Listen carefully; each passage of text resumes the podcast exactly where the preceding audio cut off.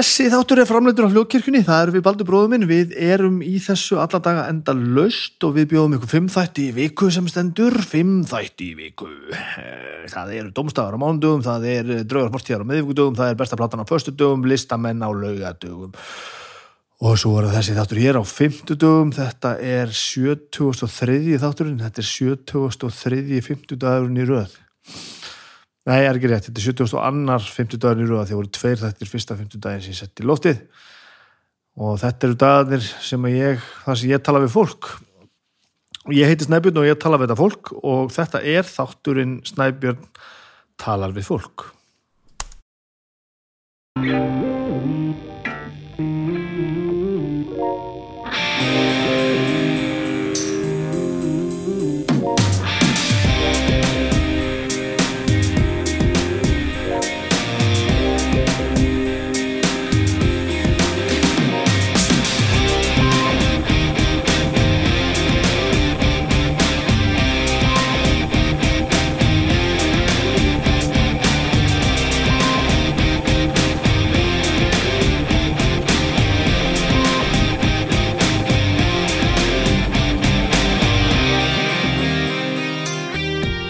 Komið sæl, velkomin í þáttum minn Snæbjörn tala við fólk, þetta er pínu skrítin dagur, þetta er allt eitthvað fyrirlegt þetta er allt fyrirlegt, djúður allt skrítið ég hef bara oft verið betri.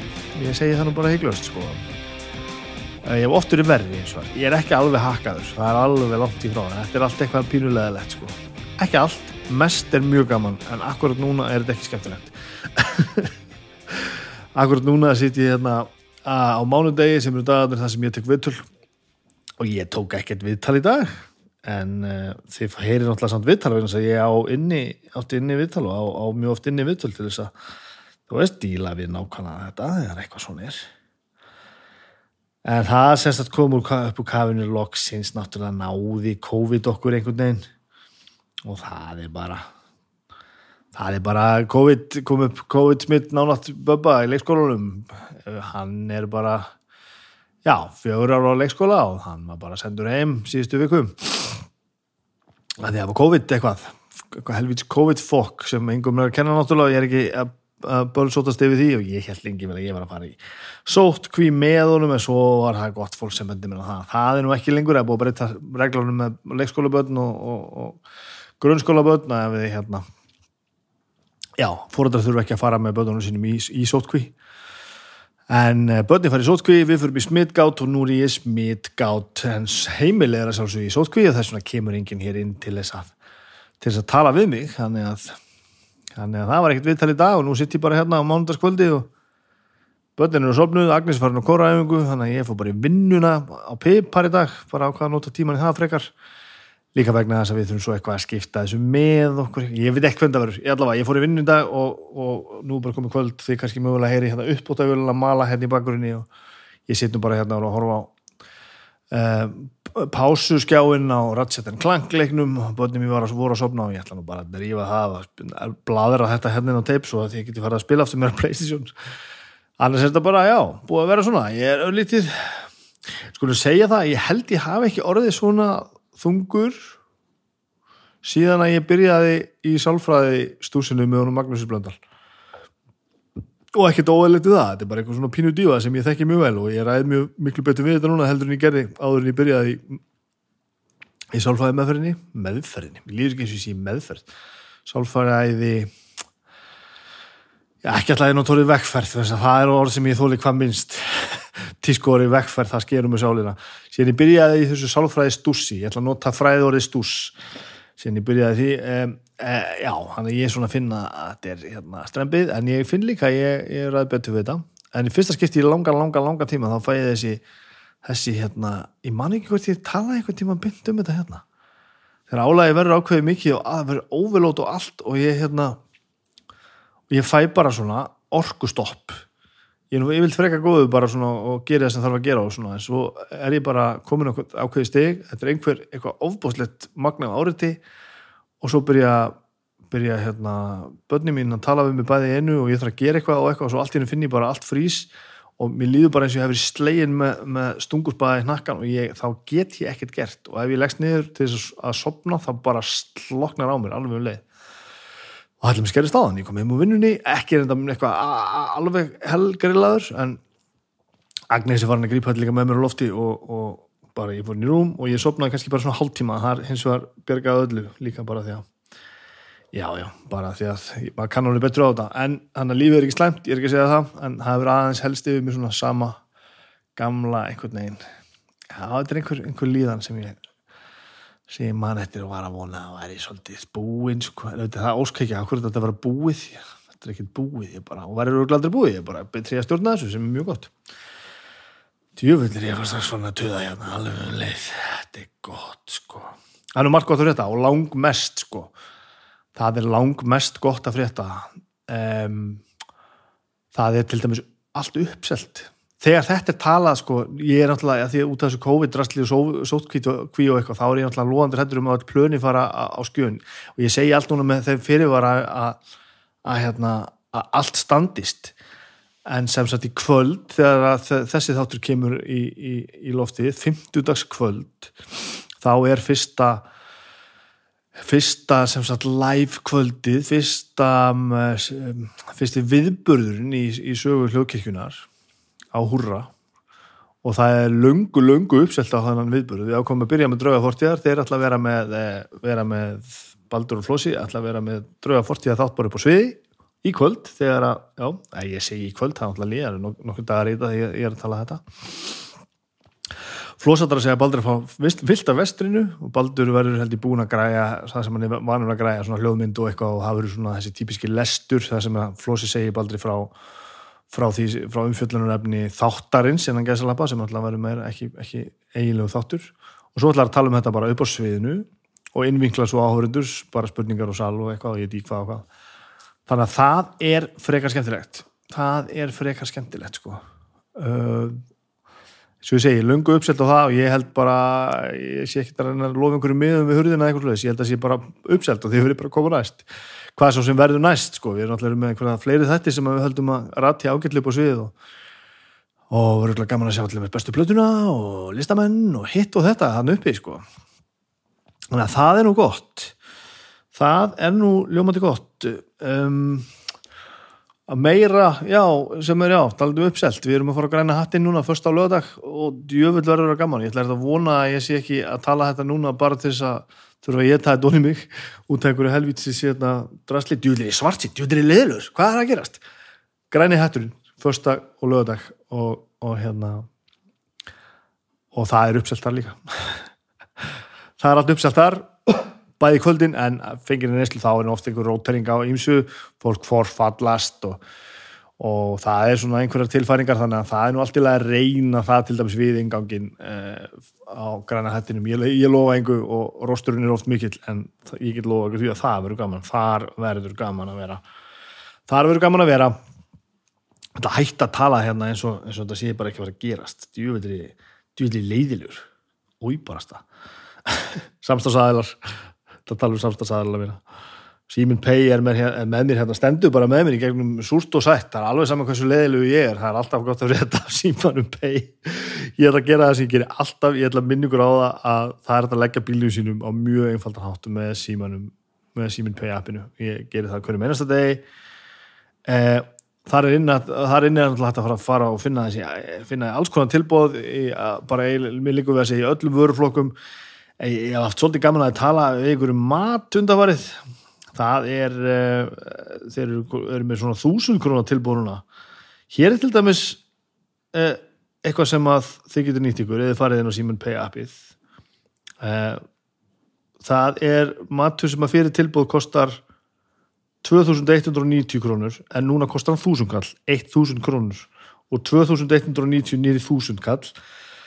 Það er Lamb Street Food sem að er, er þetta, þetta sinnið og það verður sérst að kaupa þetta gennum síminn pay og borga þetta þar, þúsund kall og það er, sko, mér langar að segja tún rollan, nei, rollan, þetta er svona vefja. Ég ætla að giska á þetta sé sniðut uh, nú er ég að spila D.O.D. mjög, mjög, mjög reglulega og þar notum við svona galdra skroll sem er svona upprúluð upprúla, rúluð galdra skjöl skroll, þetta er stundum kallað rollur ég ætla þetta að vona að ég ekki, ég sé ekki að miskina að þetta sé kallað rollur eins og þessi búið að rolla þessu svona upp. Nei, anskotin, þetta er ljótt að vera rollur. Allavega túnrollan sem er vefja frá Lamb Street Food, hún verður á þúsund kall. Og þið verður að kaupa þetta gegnum appið og þið getur sjótt ykkur appið á nokkur annar tenginga, þið þurfuð ekki að vera í, í, hérna, í viðskiptu við ákveði fjarskipta fyrirtæki eða hvort að fyrirtæki er þetta bara virkar svona. Þið farið þar inn, uh, sækið appið um, skráðið kortið ykkar pantið, borgið og getið keift ykkur mat á þúsund kall, krakkar Já, þetta er gott. Þetta er gott. Um, Kakiksósa, ferskt grænt salat, rista, sæta, kartöflur, grænkál, granateppli, nammi nam, fullt kál, kál, gulrættur, grænepli, alls konar gott. Og lamba kebab. Lamb, street food, tekkið á því. Þetta var um, Simin Pay og það eru náttúrulega aðra hrettir hér verðs að nú er komin hér nýr aðilega að borðinu. Þetta, ég hintaði nú átum daginn, ég var svo spenntur, ég gæti ekki haldið í mér, það var komin nýr samstafsæðili, ég er búin að fara á gríðalega kynningu hjá, hjá þeim og sjá hvað er að gerast þarna. Þetta er náttúrulega ótrúlega fyrirtæki sem er framleiður ótrúlega vörur og þetta er omnum, súkulaði framleiðandinn omnum og þetta náttúrulega gleður mig og gesti mína mjög mikið eins og þið heyrir náttúrulega í viðtalunum eftir við fyrir náttúrulega aðeins inn á, inn á þetta.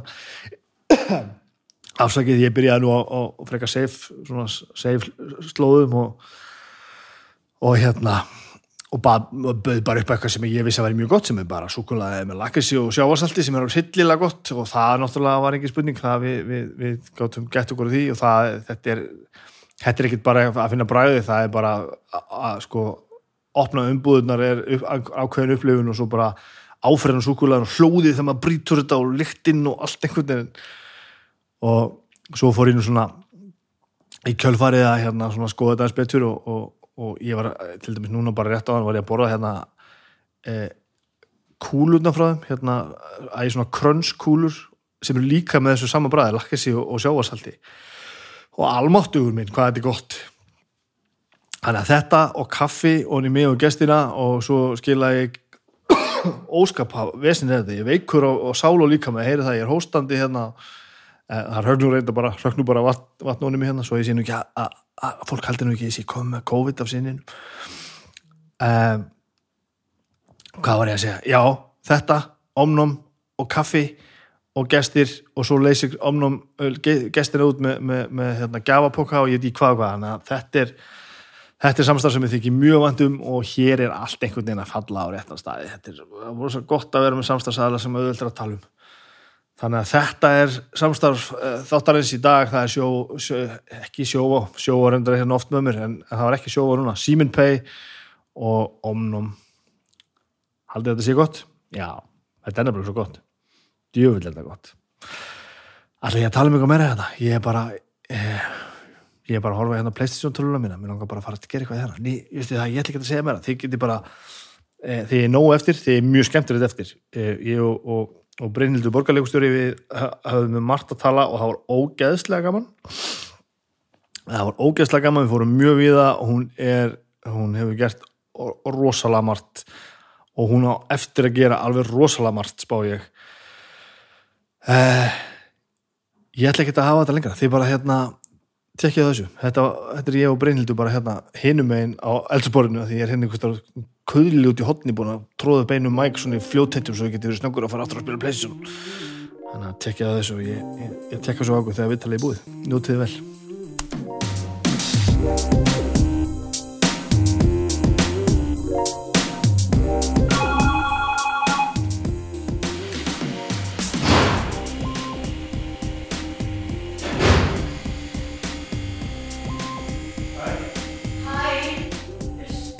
Hér er vatn, Já. hér er kaffi. Já. Það er mjög stutt í teð og vilt það frekar. Hér er súkulega frá Omnum og þetta tekur við með þér heim frá Omnum Í alvörunni, Já, fínan fallegan póka Allra sé lúsus fullan af gottir í, ég ætla ekki að opna hann ég ætla ekki að opna hann fyrir en ég komin út.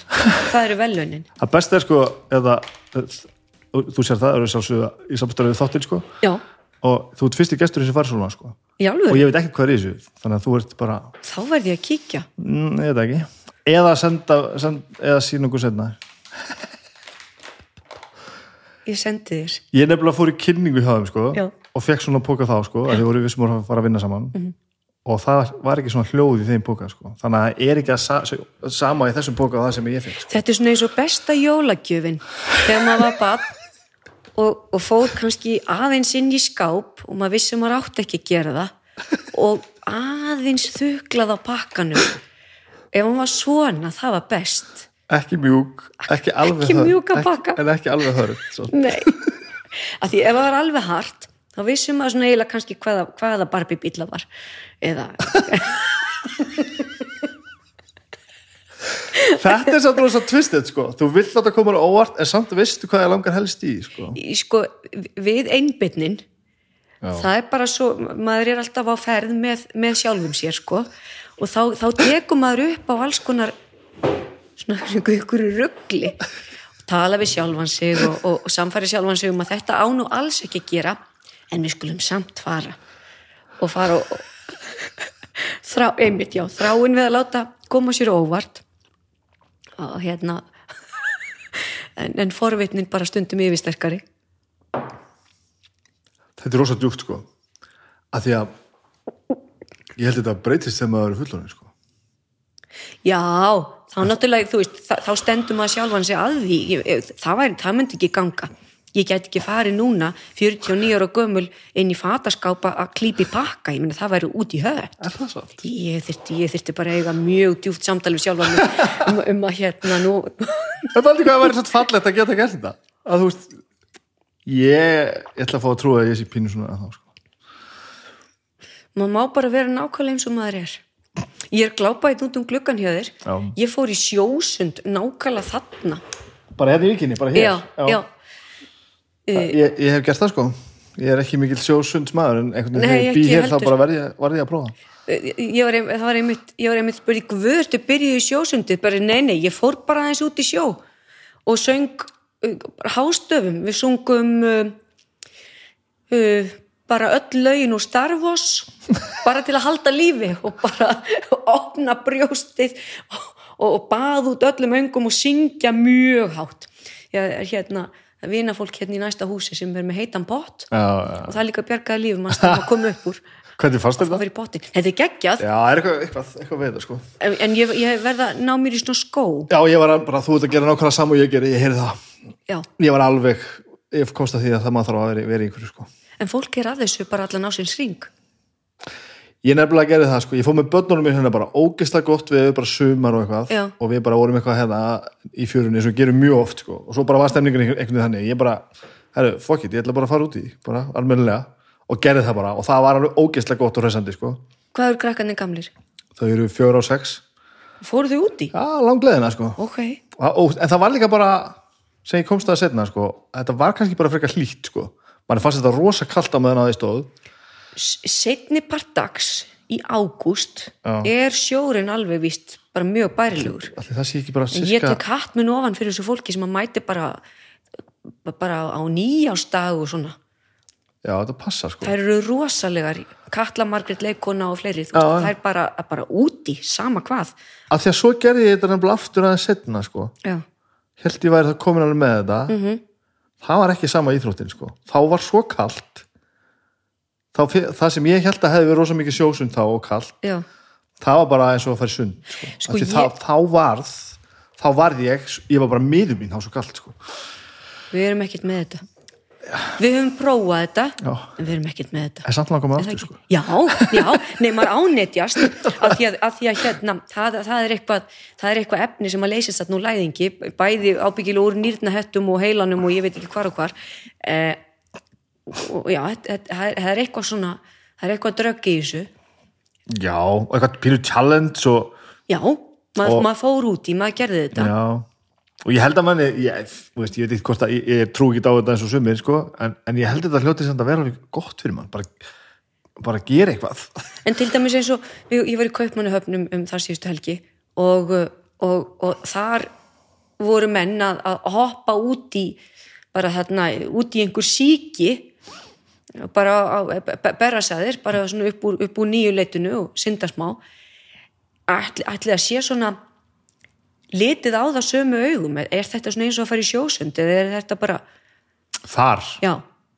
Er ég verið heyrt um það bara ég hef aldrei heyrt um það vinimanns, þú veist, í Bretlandi eða Danmörku eða eitthvað stundi sjósund.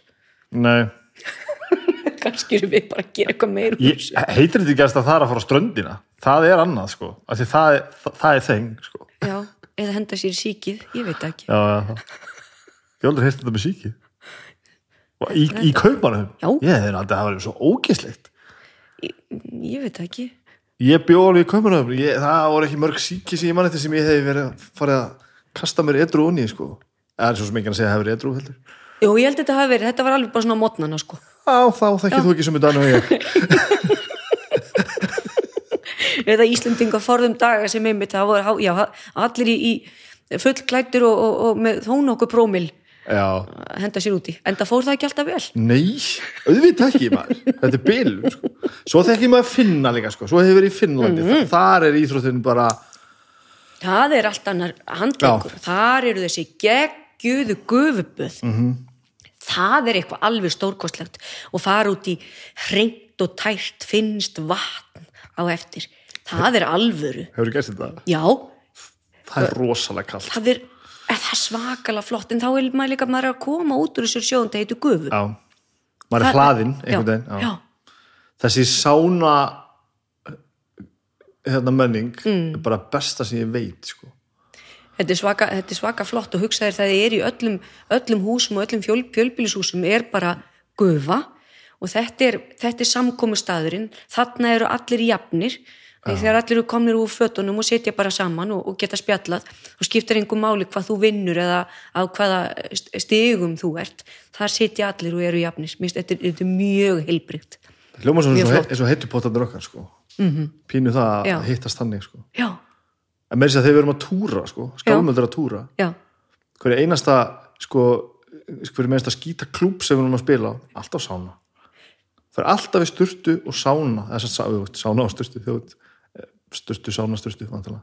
þetta hljómar rosalega bara þegar skálmöldur að túra.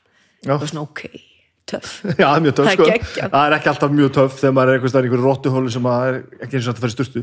Nei, það er ekki Það er já. og það er ekki allstaðar eitthvað sturta og sána. Það er, meira svona bara annar bjór. Það þarf að, sko, það er einhvern lögum held ég, evróskum svona farandlögum að þú þurfir að fá, bara held ég síðan farandsöngvarnir voru, þú Mhm. átt ekki að baða þig og fengi eina máltíð, þannig að er alltaf matur já, og sturta. Um, stundum er þetta mjög mörkurum að geta kallast matur og eða sturta sko. Það, maturinn er mikið að skána en sturtaðastæðin er ofta alveg afleitt sko. það er ógislega fyndið.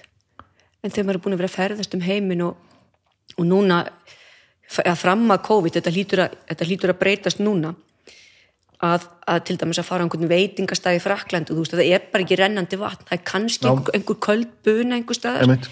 og bara enginn þvær hendur, aldrei. Og, og að fara í gegnum einhverja flugvelli og vera að koma með sorgarendur að því allt sem hún kemur við er bara svona ógisla skítugt. Fyrir við ekki aðeins að hugsa þetta öðruvísi?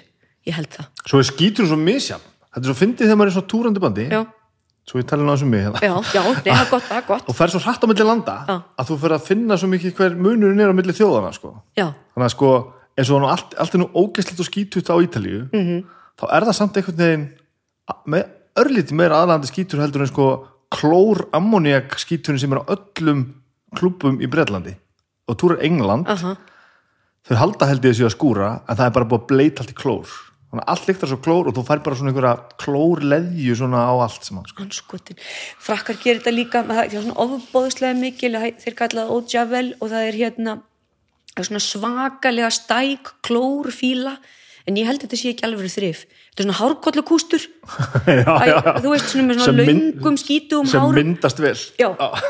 Og svo er allt rennandi blöytt og þetta er mjög mamma og amma eigerður væri ekki ánæður með Nei, þessi þrif það væri ekki það fengi ekki tíu. Til herðu, Já. ég fór að bubba. Gott. Hvernig fannst þér? mér fannst hérna mér fannst svo gaman sko.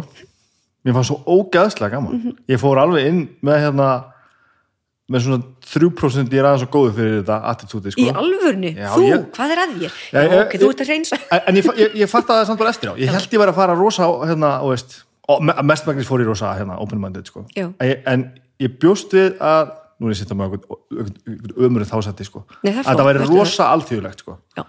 Þetta náði bara svo miklu, miklu, miklu lengra sko. og ég hló og grét bara eins og ég veit ekki, hvað sko.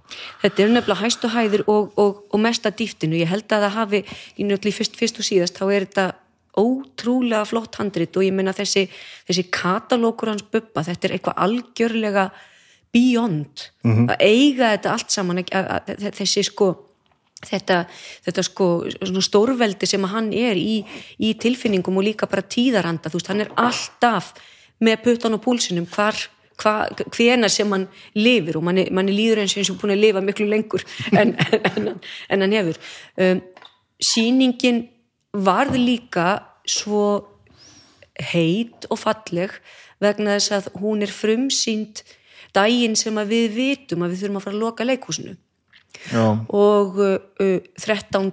mars 2020 og við vitum að við getum sínt þrjár sýningar svo líða bara átján mánuður og við getum tekið hann upp aftur. Átján mánu Já, sko. það er já. svo ógæslega mikið. Það er ógeðslega mikið og það er ekki sjálfgefið að, að, að listaverk lifi svona af. Nei, nei, en það sem gerðist var bara að það þjöppuðu sér allir saman, ég meina þetta er búið að vera alveg bara rosalega erfitt tímabil fyrir uh, listamennina vegna þess að það er ekki, það er ekki að setja bara svona potlúk á sköpunagáfu, að setja potlúk á, á rattirnar, á líkamanna, Já. það verður allt bara, í, þetta eru hjarir sem að þurfa að reyfa sig. Um, en við erum það var bara ólýsina tilfinning að, að, að geta opnað húsið aftur og nú erum við komið 500 manns í salin og, og auðvitað finna þau það sem standa á sviðinu að endurgjöfin er svo miklu miklu meiri. Ég gæti hafa verið á fyrstu 500 mann sýningunni. Ok, já, það var allavega sirka það sko. Já. og powerið var náttúrulega svo og líka bara í okkur sem sátum sko, bara djúvill er þetta. Nú er búin að trú, telja sjálf, sjálfur sér trúum að sko, all- allan tíma að þetta skipti ekki alveg öllum máli. Maður bara harkar þetta af sér og býður og hitti fólk bara setna sko. Svo kemst maður á barinn að ég tala ekki um þetta í fullan leikúsal og bara aha. Það bara svona losnar aftur um eitthvað sko. Sýnir það á sannar. Sko máttur, máttur uh, leikúsins og hvað þá máttur sko tónlistarinn í leikúsinu þetta er það, það er, það er engin mælistika sem að næri utanum þetta -hmm. þetta verðum við að hafa og ég meina hvað almáttur, ég meina hvað, hvað voru menn að gera fyrir einhverjum um, þú- þúsundum ára í kringum einhverja varðelda bara segja sögur, syngja lög Vera saman líka, vera já. saman, baða út öllum öngum og, og, og kveikja í þessu sem að heitir mannsandin og við viljum ekki gera það til hvað sé að lifa já, ha. En, en fannst þér það ekki geggjuð, krakkarnir? Ætla að fá mig kaffi. Þetta var svo hérna þetta var svo eh, inspirerað allt saman sko. Hugmyndin, alltaf, grunnhugmyndin veist, er náttúrulega alveg ógeðslega góð. Hún er rosa skýr að segja svona frá honum. Og rosa heiðalegt að segja bara svona, bút hann svona niður í hérna í þennan svona skipta persónuleika sem hann er náttúrulega og búin að vera ekki um tíðina. Sem maður er búin að til skiptis elska og fokking fyrirlíta sko það er, það er svo fullnægjandi að fá að fyrirgefa. Já, einmitt, það er svo fullnægjandi að fá að fyrirgefa að því að, að, því að hérna, eins og líka ég maður sé ekki að ljóstra neinu upp hérna, eins og segir í, í verkinu hann er alltaf bara, ef maður, ef maður vill vita bara hvernig umræðin í samfélaginu er þá er bara ótrúlega fínt að tekka á því hvað bubbur að segja. Já, að því að hérna, þannig líður flestum. Og svo kemur eitthvað, eitthvað óbúslega djúft og fallegt um, um, um nánga kærleika og eitthvað slíkt og svo bara kortir í setna kemur eitthvað svona eitthvað gott tístu munnmög já. Og, og, og, og þannig erum við bara og Já. þannig eigum við að fá að vera og, við, og, og hérna bentum mér á þá mannisku sem ekki er breysk. Það er, það er hérna e, við, við, eigum að, við eigum að fá að, að fylla út í öll bóksun okkar og, svo manneskja sem ekki e, e, fær að, að ekki leifi sjálfur sér að mistiga sig og öðru hverju. Hún er náttúrulega bara steindauð. Já, um, Óli segir svo Ólafur Egil handrits höfundur og, og, og, og leikstjóri hann, hann býr til þessa rosalegu fallegu myndlíkingu í verkinu og við erum bubba bara svo þakklátt að hafa fengið að fara höndum um sex strengi sálarans. Já. Ó, þetta er alveg bara svona ég var rosa fegin sko að hérna ég held að þetta sé á rosalega góðum tíma á hans hans ferli sko. Já, ég er, þú veist, ég er þetta yngri en hann sko, ég er 43 ára. Uh og ég bara andaði að mér fyrstu plötunum á sko, bara geislavirkir er bara einn besta plata sem að nokkuð tíma hefur komið Aha, út já, og já. hún stendur þannig ennþá í dag sko já, sömuleiðis, já, bara DNA, bara, hún, það er bara fingra fara á sálina, Já, sko. þetta er bara eitthvað, þú veist og- Má þetta, er þetta hægt? þetta, þetta er svo Þetta mikið bara- sko já. ég er aðeins svo ungu til þess að meðtaka til fyrstu hérna, bylgju einhvern veginn en þetta fylgir mér samt sko Mm. Já. og svo, svo fer ég að spila mikið punk og, og ég þetta nær mér svo mikið sko uh, og þetta gera verkum að sko ég verð bara pínu sár út í hann þegar hann fer að svíkja mann sko að Hva, verða hva, hvað voru svikin við þig? sko svikin koma samt alveg frekar seint sko af Mm. því ég man alveg átti sko átti að hlusta á sko sögur á landi sem er sko 90s alveg sko Mhm. eitthvað svo man ég bara að þegar hann var farin að syngja með einhverja bankamenn og, og þú veist farið til Kúbu og eitthvað þá var ég alltaf komin á brjála slega mótþróa Já, og svo bara fór hann að kaupa sér dýrabíla og, og syngja fyrir hagkaup og ég var bara, þú veist þá hætti ég bara neina að hugsa um já, þetta það voru svikin við þig. Já. Já, og, og, og þá var þetta með þess að komið bara þangað þá var þetta bara eitthvað svona aðstæðanlegu meðaldra gauð sko, sem einhvern tímann hafi verið töf já, ég meina það verða allir einhvern tíman er fjaldast máli sko. og maður þarf, að, maður þarf að fatta maður þarf helst að verða svona sæmilega komin svona aðeins upp á meðaldarskeiði sjálfur til að fatta bara, að, nú veit ég hvað þetta er Aha. Ég, ég, og, og þá fyrir ekki um Já, þá fyrir ekki að maður, Akkurat. en þeir sem eru bestir í þessi að gera, þeir eigi alltaf hérna risið aftur einhvern veginn upp úr svolítið saman Já. og maður sér sko upp á tónlistar fólki mitt til dæmis sem að er látið sko, Já. er oft þetta sem að sko kom inn með einhverju sprengjum mm.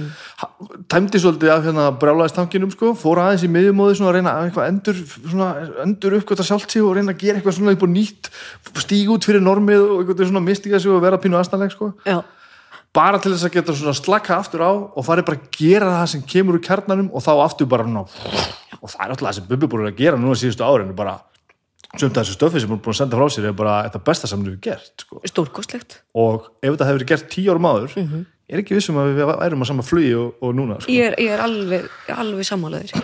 Þetta er hérna bara fe- ferðalag hvers og eins og, og, og þegar er, bara, bara í einhverju veist, á, á í kringum hrunið hefði aldrei gengið. Hefði Nei, nei. aldrei gengið. Þetta er rétti tíminn og, og já, þeir sem eru 60 plus þeir geta byrjað að segja sögu sína held ég. Ó, áhugavert. Heldur það sé bara cirka þannig er ekki bara ofsnemt að reyna að, að maður er ekki, sko fyrst er maður manneskja í mótun og, og, og svona mótuna tímabil hverja manneski, það er eitthvað ábyggilega eitthvað að sko stórfenglegasta og viðkvæmasta og stæsta sem að, sem að allar, allar lifandi manneskjur fara í gegnum, bara hvað er það sem hefur áhrif á þig? Hverjir eru áhrifavaldarnir? Og, og ég segi fyrir mig, mínir áhrifavaldar voru uh, listir, bara tónlist leiklist, myndlist uh, náttúra og góðir kennarar sem sagt náttúra, list og mentun og bara ég kaus rétt. Eh, núna eru áhrifavaldar me meir og minna bara svona fólk sem stendur á einhverjum andlegum bröðfótum og, og tekur af sér myndir á, á nærbaksunum og það eru áhrifavaldar dagsins í dag Já. Ég, ég get ekki dæmt um hvort er máttur á mikilvægara, þú veist, ég bara ég get það ekki, en ég er voðalega þakklátt fyrir það að, rósa kennari og, og, og, og úfið raun uh, og, og stórkosti tónlist höfðu það meiri áhrif á mig en, en, en einhver sem að fóra á bar. Já, já ég skil, ég, auðvitað skil Fa- það. fattaru? já, um, þannig að bara það sem að vara áhrifavaldur einhver tíman er orðið að einhverju öðru núna. Og, og, og síðan bara svo fáum við öll að, að e, vonandi stíga, stíga frá tölvunum og, og, og símónum og, og, láta, láta eitthvað e, ógnastórt hafa áhrif á okkur. Um, e, og, mót, mótunarskeiðið þarna svo fyrir við bara að vinna úr. Og, það er einhvern veginn allt okkar líf og svona upp úr 60 þá getur maður ábyggilega að fara að svona staldra við hugsa með sig, já, heyrðu, svona þetta var mótunarskeiðið og svo fór ég að vinna úr. Og, og, og nú, nú, nú get ég aðeins byrjað að, að púsla. Nú fyrir kannski að koma einhver mynd. Ég hef aldrei heilt þetta sett svona fram en þetta meikar fullkomlega sem sko. bara pæling. Að því að mín pæling er alltaf meira mér líður svolítið eins og fólk hafi bara gefist upp. Gefist upp? Sem er gott sko, gefist upp fyrir því að reyna að að, að því að tilfinningin er alltaf bara, já, ég þarf að gera eitthvað nýtt. Já, og maður hefur ekkert nema svo svo mikið nýtt sko. það er þegar maður hættir að skamma sig fyrir það bara, Nei, það verður ekki nýtt að því að mótunaráruninu þarna. Sko, til dæmis með tónlist. Ég er alltaf lúðin sem heldur búið erosmið og það gerir það engin annar nema ég og einhverjir fjórir í bandaríkjunum skilur ó, það eru fleiri fjórir í já, bandaríkjunum ok, en já, já, já, einhverjir allavega, fjóri fimm. En og það verður aldrei neitt nýtt. Og það bara, þetta er alltaf bara sákatalókur er alltaf á, á bara fyrst er það geisladiskurinn og, og, og, og svo er það núna inn á símanum mínum og þetta er búið að færast úr einhverjum stórum iPod í lítinn iPod og í einhvern annan pod og núna í síman og ég lusta bara alltaf á það sama. Hvað er það? En kannski er ég bara búin að gefast upp fyrir því ég er ekki alveg orðin 60 en ég meina hei, af hverju Erosmith þú, seg þú mér. Ég veit það ekki. Ok, by- byrjum nú, nú skulum við byrja að viðtalið. Ok. hvernig byrjar að hlusta á Erosmith og og, og, Og af hverju. Þe- e, þetta kemur á bíla sko, ég, ég, ég er búin að ljóstra því núna upp. Ég, ég er einbyrni, pappi keifti alltaf rosalega mikið af plötum. Og, og heima hjá okkur var alltaf til plötuspilari og það var alveg það, það frábærasta sem maður mátti gera, það var að vera með risastóra headphonea og spila plötur. Og standa fyrir framann og rugga fyrir framann plötuspilaran í brúnum flauilsbuxum og appisungulri peysu á grænu teppi upp á rauðu hérna og fara í pössun til ömmu rekinu þar var svona risastór græja með plötuspilari inni svona unit. Svona tech unit eitthvað. Oh my god, já. Og þarna mátti maður spila plötu sjálfur þurfti alltaf að passa nálina, mjög viðkvæmt gera og gera fallega. Og maður gerði fallega með butunum sínum, þá mátti maður gera sjálfur. Þannig að það er tón það sama, ég er að kenna bönnunum mínum. Bara alveg bara í næstu orðrétt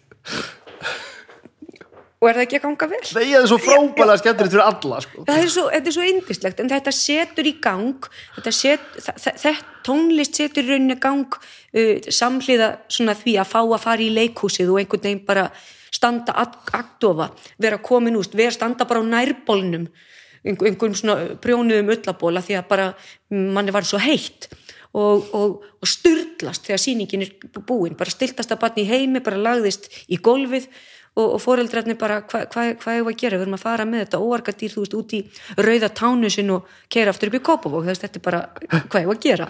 Þannig að það er bara tónlist og leiklist setur risastórt fingrafar á sálinn á mér þegar ég er bann og bara markar mig fyrir lífstíð. Setur eitthvað í gang og þarna finn ég frelsi og farveg og fatta bara, ég þarf að segja sögur. Og, og, og maskjarnt bann e, átta sig bara á því að það eru sögur í öllu og allstaðar og, og, og maskjarnt bann sem er, er einbyrni og þarf dálítið að hafa ofana fyrir sér byrjar að tala við dótið sitt og, og, og, og býr sér bara til endalösa ævintýri heima. Og það er mikið hlust á plötur, pappi kaupi plötur og einhver staðar inn í þessu öllu saman hlýtur að hafa ratað inn einhver Aerosmith-plata vegna þess að sko Dream On uh, er, er bara eitthvað lag sem að ég veit alveg, ég heyrði fyrir löngu löngu síðan án þess að vita nokkuð skapaðan hlutum hver þetta er og hvað þetta er já, já, já. síðan kannski kemur þetta á þegar, þeir gefa út pump og, og, og big ones og svona þá verður þetta eitthvað vinsælt, þá kemur þetta í útvarpi og þá raðast allt hitt inn samt, það, það er samt snemma sko. þetta er svona þetta er, þetta er, þetta er Já, ég meina þetta, þetta er í kringum 60 og eitthvað mikið bara tæp e, e, e, sko, hva, hvenar er ég man það ekki, ég, ég, ég, ég bara veit það ekki. Ég, bara er, er ekki með þá spjaldskrá í, í hausnum, en bara hvenar er hvenar er verið að syngja? Hvenar kemur Toys in the Attic út? Hvenar er verið að syngja? Ekki bara upp á 70 eitthvað slags Er það ekki? Já. Ég fætt 72 en, en uh, uh, 78 fekk ég nokkra plötur í, í amaliskjöf ég fekk Abba Arrival eða hvort er 76 eða 78 og ég fekk Meatloaf Bat Out of Hell og þetta þótti rosalega skrítið ég man að einhver var að Fekstu þetta í, gafir? já, þetta fekk ég í amaliskjöf Ah, frá hverjum? Palla frænda held ég Hvílíkt. og einhver var að segja bara Palli hvað er þetta að gera? Akkur er þetta gefinni þetta? En bara Bat Out of Hell Já, og, í, í, og, og þetta, þetta, þetta, er svona, bara, þetta móta mann og þetta er alvöru um, k- k- hvar Erosmith læði sér alveg inn og bara og, og svona, svona rótfesti sig ég man það ekki, en síðan var ég í hérna þegar ég er í leiklistaskóla í Bretlandi þá kemur uh, þá kemur plata Nine Lives út sem er svo skfind það því að það, hún heitir Nýju líf. Alveg svo Nýju líf. Og það er, þú veist, það er uppáhalds uh, Erosmith platan mín. Þar er bara þar er, þar er þetta orðið bara skáldskapur Já. og ég er bara að hlusta á hérna djúpa skáldskap þessa stórfenglega manns uh, Steven Tyler hann, hann er svona minn Shakespeare og, og, og, og minn Laxness. Það bara, já, á það, hann alltaf þess að texta meira minna? Alla eila já, það? já, Já, ok, gaman.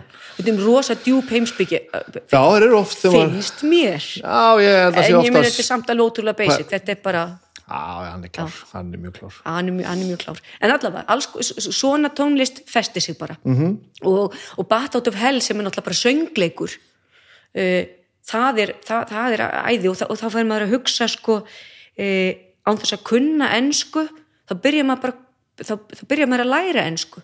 Og maður veit hvað hlutinni þýða án þess að vita maður veita.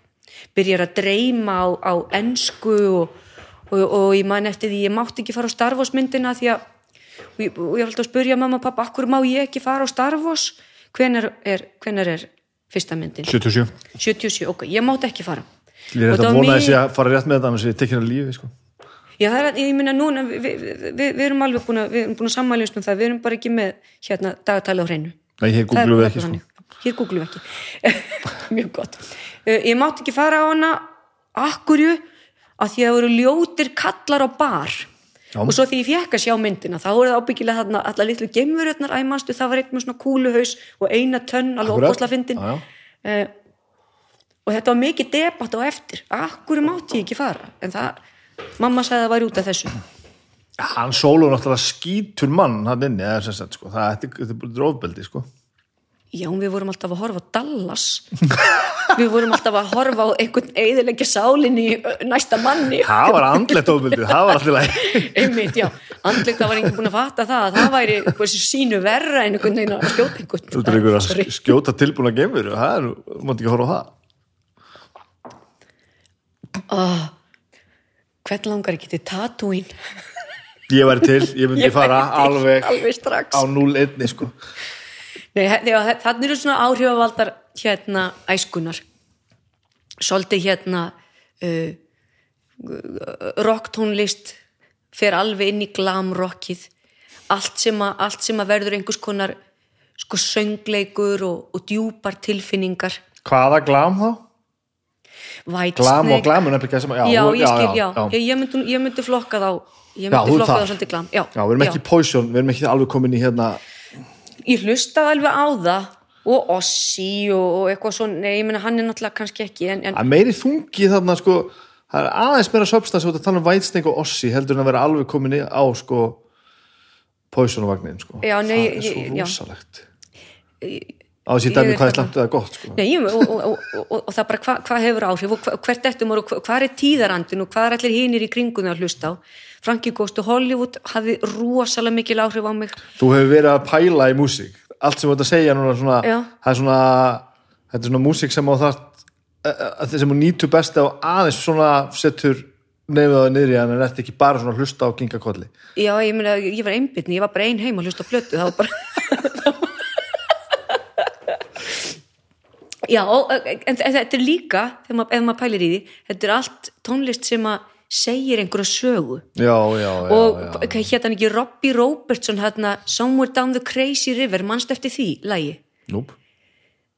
Yeah, I can see it now. Bla bla bla. Og síðan var bara svona opaslega langtlags Catch the blue train all the way to Kokomo. Mannst ekki eftir Jú, þessu? ég var þessu. Þetta var svona löng, löng saga. Þetta var mjög langt og ekki ólíkt Jóns Bæjó. Þegar maður pælir í því um, en hvað er þetta? þetta er eitthvað leikhús. Já, þannig að maður er alltaf sá sem maður er og svo þegar ég er orðin 60 plus og fer að vinna úr þá fattar ég bara mótuna tímabili var þetta svo bara, svo fór ég að vinna úr og, og, og kannski verður það uppgjöfin. Ég bara ánægtiðast leikus og rocktónlist mjög snemma og ég kemst ekkit frá því ég held að verði samt engin uppgjöf. Sko ég held að þegar ég segi sko gefast upp sé ekki að tala beint um slæma uppgjöf. Heldur bara svona svolítið að sleppa sko, gefast upp Já. fyrir því að reyna eitthvað að vera stjórningur sem þú ræður ekki við. Leifa, leifa sjálfum sér bara svolítið að ég held ég sé að tala svona sama tungumál á alkoholist að tala um þegar hægt að drekka sko, bara gefast Já. upp sko. Um, ég, ég ætla að líta á það sem setjast, umfaðma Já. þú veist, ég bara þarf lesklerugu, ég get ekki einu svona sko skráð mig inn í leikfimi á mótnana að því að ég bara sé ekki neitt. Og, og, og, og þú veist, ég bara ég er að verða eins og bjarni fel um, um hérna, augabrúndnar á mér er farnar að vaksa bara einhvert ég er eins og þarna fálkin í brúðuleikurunum. Og, þetta er bara það er bara fallegt. Ég og bara kall sem elskar mig eins og ég er og, og, og, og þú veist og dóttir mín kissir mig bara á kinnina og segir elsku mamma mín mm -hmm. mér finnst fellega fínt að geta bara sest og umfaðma það og fengið að vera bara ég mm -hmm. mér finnst engin uppgjöf, mér finnst það bara geggjað Já, og ég held að þetta sé geggjað sko. ég, ég ætli sér ekki bara að nota rámt orð sko. þetta er ekki svona, þetta átti ekki að hljóma eins og þetta væri sorglegt sko. Nei, þetta er, meira móti, svona let it go, sko. Já, I'm letting go meira það sko já, og tala mikið um að, setja innbyrni finnur þú mikið fyrir því? Eða, er þetta bara svona, var tilvíðilega þetta bara svona ofta góma núna? Uh, Já, hugsaðu mikið um það, skulum við segja? Nei nei, þetta er bara, þetta er bara svona pínu staðarind og allir eiga fullt af sískinum Já, já, já. Finnur maður fyrir því þegar maður er innbyrni eða maður allir eiga sískinni já, það er, sko uh, já, ábyggilega. Mm -hmm. Mörg batnaherbyggi heima hjá sumum og einn er eldri og hinn er yngri og, og það, það er svona á hins einn ég lærði, ég lærði kannski bara að, að, að vera með og, og, og deila. Ég var svo mikið í sveit þegar ég var krakki. Og það var náttúrulega bara fullt á krakkum og maður var krakki að passa krakka. Já, og svo var maður krakki að að passa dýr og hugsa um dýr. Og uh, nei, ég er mjög þakklátt ég er mjög þakklátt fyrir bara að það fengi að vera bara ein með mamma og pappa ég var nefnilega sko einn í sex ár sko. Já, svo kom, svo svo kom, kom bróður minn sko. Var, það, var það erfitt? Ég man ekki til þess að hafi verið erfitt. Nei, Ég held að þetta hafi verið ógeisla næs. Fekk bara að vera innbyrni góði vinnir Já, við fyrst var hann, við, og svo, svo kemur systemi sko tveimur ára setna, fyrst er náttúrulega bara lítil og óþólandi en það var ekkert erfitt þannig sko. Svo Nei. missir maður svolítið bara sambandið já, þú veist, ég, maður verður bara svona hálf fullorinn og fullorinn og þá verður þau bara svona eftir sko. Og svo er mjög gaman að endur tengja við þau sko. Núna erum við aftur einhvern veginn bestu vinnina með að ég var svolítið bara á undan þeim sko. Og svo verður það á bílu auknum mæli, þú veist, djúpi tengingarnar og, og þegar maður þarf að fara að hugsa um foreldra sína og, Mhm. Já, þetta er einhvern veginn, þetta er allt mjög gott. En ég held ég, mér hafi þótt mjög gaman að vera bara einn í sex ár, ég held að það henda mig bara mjög vel sko. já, það voða fínt að fá aðtiklina og þegar, svo kannski ánýttjast maður henni og bara, já, en ég Já, einhvern veginn náðu held ég að þau náðu að verja, verja mig fyrir því sko. þegar þú segir það mm. kannski er ég bara búin að gleyma sko. Já, já, maður verður líka að leifa sér bara að gleyma, það kemst ekki allt fyrir sko. Að gott að, að stundum bara gott að vera gleymin og bara, ha? Þá líka veit þá kannski, nú er ég að pæla í hlutum svona bara, já, mannst ekki eftir þessu, ég er alveg bara svartól Já. og allir muni eftir einhverju sem gerðist, ég bara, nei, þetta er fyrst getur sem ég hafa með súkulæðmóla þegar að taka viðtal og ég finna strax að þetta er ekki ekki bara, málið, ekki bara góð hugmynd en var þetta ekki gott samt? Þetta er ógeðslega Þetta er svona ljóst, gott. lakrís og sjávarsalt. Já, almáttugur. Er þetta þessi hérna fjólublái? Já, Já, það er eitthvað Já, einmitt Já, þetta er svona hérna borgarleikusliturinn þegar hann brendast illa og verður svona ekki saturated. Svona hinn ágæti páskalitu þjóðkirkjunar eða eitthvað. Er hérna hvernig með leikhúsið heima frá þér? Þú ert ekki komin af leikhúsfólki hérna? Nei, nei, svo sannarlega ekki. En, en þetta er hjá mér gerðist þetta bara held ég af þörf ég er búin að, er búin að fá spurningunum svona oft okkur, okkur varstu leikari? Og, og ég er komin á þá niðurstöðu að þetta bara, þetta er sjálfsbrottið og, og, og varð til af þörf. Af því að það er bara svo mikið inni sem þurft að komast út. Alveg frá upphafi, trúir því að það hafi bara, þú hafi bara að, Já, ég meina hvað annað gæti það hugsanlega verið? Mamma er fóstra og pappi er kennari.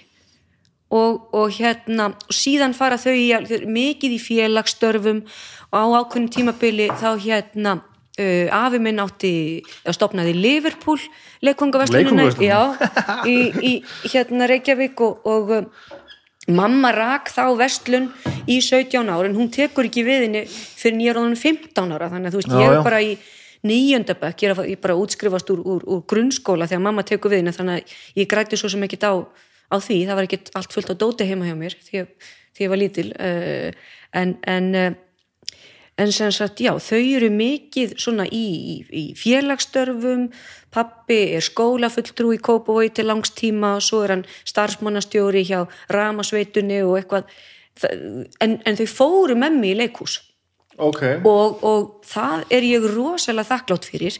Og náttúrulega barnasýningarna sem sitja í manni svo varð maður ullingur og, og, og fór á eitthvað, eitthvað eftir Vaslav Havel og eitthvað uppreisnin og Ísafyrði og, og, og, þú veist á að drepa mann úr leðendum það var svona upplifinu þegar maður var kannski ullingur en það var samt upplifun þú er ekki svona bara einhvern veginn setið bara og, og bara tekið allt inn og fundist allt einhvern veginn frámast Nei, nei, nei, Nei, nei, nei, nei, og, og, og, og, og hérna líka svona krefjandi sýningar sem að maður maður fór heim og, og, og, og svona man bara eftir því maður bara illt í setbeinunum og, og, bara dauður úr leðendum uh, en, en, en, en það vakti til umhugsunar og sett eitthvað í gang.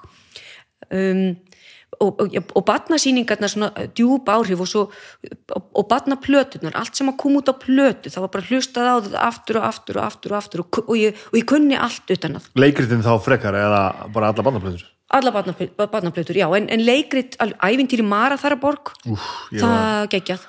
Langt út á sjónum, leika þeir sér. Já, ég var að það er svo stutt síðan ég var að tala um þessa plötu hérna í viðtali sko. flatt, flatt, flatt fiskar.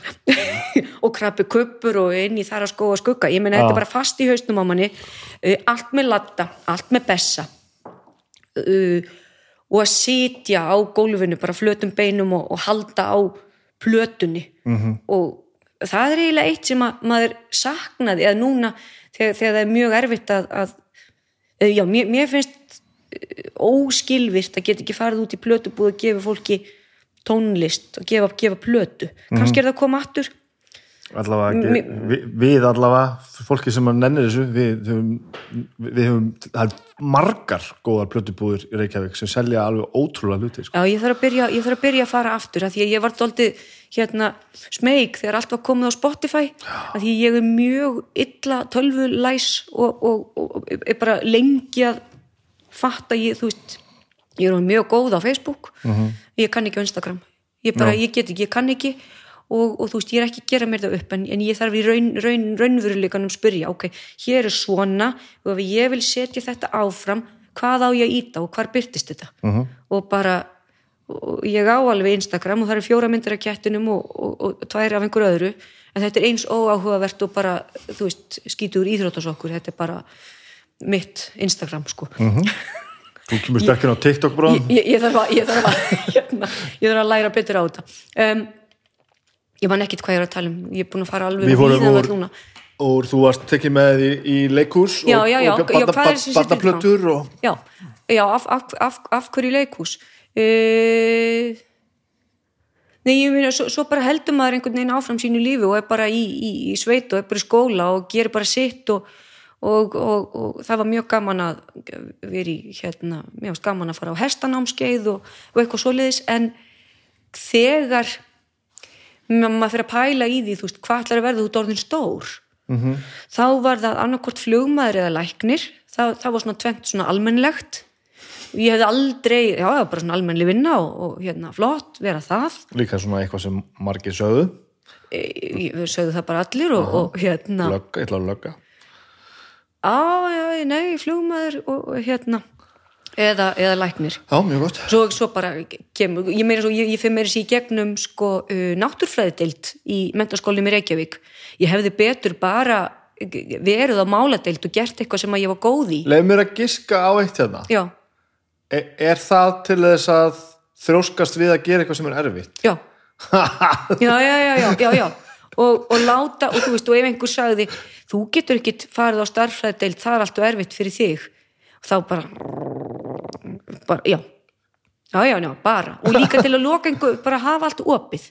Já, maður, skildu vilja fara þá er til læknadeild og þá er þá allavega búið að fara í gegnum eitthvað x mikið af, af eðlisfræða, náttúrufræði og lífræðin efnafræði og, og því sem að þarf. Og var það alveg bara erfitt, átak bara? Uh, það, var, það var sjúklegt átak að fara í gegnum stærðfræðina í MR, já. Mm. og, og hérna það var bara sjúklegt átak. Og ég eitti bara öllum tímanum í það að reyna að klóra mig fram úr munnlegu stærðfræðprófi já, enda er það líka bara einhver illu steipa svo ég leifi mér bara að, að, að nota einhver orð á það, Það er- bara að læra að vera með fjögur ára námsefni til, sem liggur til grundvallar stúdentsprófi og maður er að rifja upp og, og hafði ég skilning á þessu? Nei, nei, nei. Ég var bara að reyna að muna eitthvað. Og, og hérna þetta er bara fyrir fólki sem finnst þetta gaman, sko.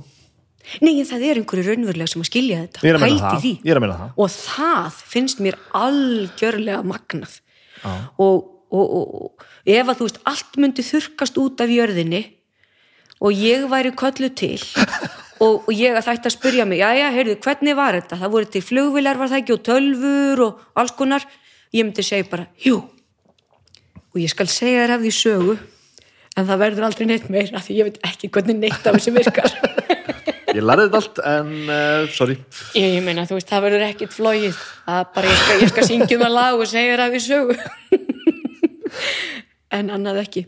En þannig að þú ert ekkert að stefna lóðbynd í endilega í leikstina þegar þú fyrir píkjanum mentaskólan Nei, fyrir mér var þetta aldrei neitt sko raunverulegu valkostur vegna þess að þú veist, hvar, hvar læri maður svona og er þetta, er þetta vinna, þú veist, og hva, hvernig fer þetta fram og, og hvað er þetta? Og, og, og það er aldrei rætt við mataborðið að, að einhver geti verið leikari. En varstu byrjuð að leika eitthvað eða gera eitthvað meira skipulega heldur en bara fyrir þig og dúkunar? ekki, ekki, ekki, ekki skipulagt sko, við, náttúrulega, ma maður var alltaf að gera eitthvað í skólanum og, og, og það voru skrifu leikrit og sett upp og, og, og, og, og svona á foreldrakvöldinu þá var bóðið upp á leitina skólastjórunum og, og, og þetta var Geðveikur titill, já, góður, ég leik skólastjóran er þetta til? Þú voru að skrifa þetta, þú veist það Þú voru að endur skrifa verkið? Já, já, þetta, við, við eigum þetta ábyggil einhver staðar í ein, ein, einhverjum e, e, pappakassa einhver staðar. Upp á stóra sviði með þetta leitina að með skólastjórun þessa forsögu að þessu og þú ert búin að selja fleiri þúsund marga, miða sko. marga miða já. Eitt ein, ein, karakter var Baun, Baunin.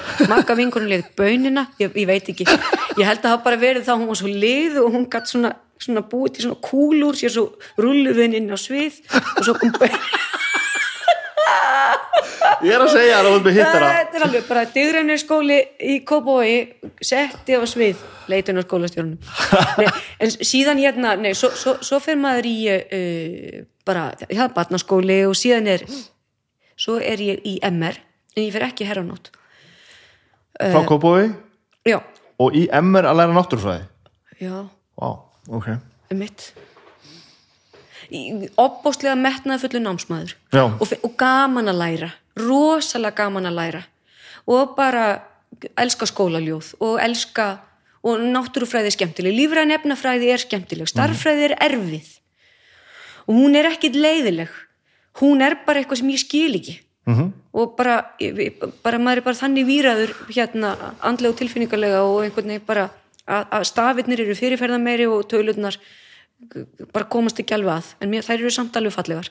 Eh, um, fór ekki í, í, í herranótt en síðan þegar ég fyrir háskólan uh, eftir, eftir MR þá, þá byrja ég aðeins að, að vera með stúdendaleikúsinu og það var bara mjög gaman og, og snerta eins og því. Skúli Gauta var að, var að leikstýra og það var svolítið sniðugt. Svo er ég eitt af þremur árum út í Fraklandi meðan ég er að klára uh, hérna, ég er með B í, í frönsku og, og uh, tók hérna ítölsku sem aukagrein og er- var þarna í bókmöntum og málvísindum og það, það, það, það, var svona beinn og breyður vegur. Það, það lá mjög uh, vel fyrir mér. Þetta bara, voru mikið einu. Þú klárar MR já, og þá fórstu og þá fór ég í Háskóla Íslands að læra frönsku, Já, þannig, já. Já. Ok, nú skil ég, já. Já, já, já já, ég, bara eitthvað hoppaði gótt, svo yfir. fórstu allir komið til Fraklands í eitt ár og ég bara, þetta voru mikið fyrir mig.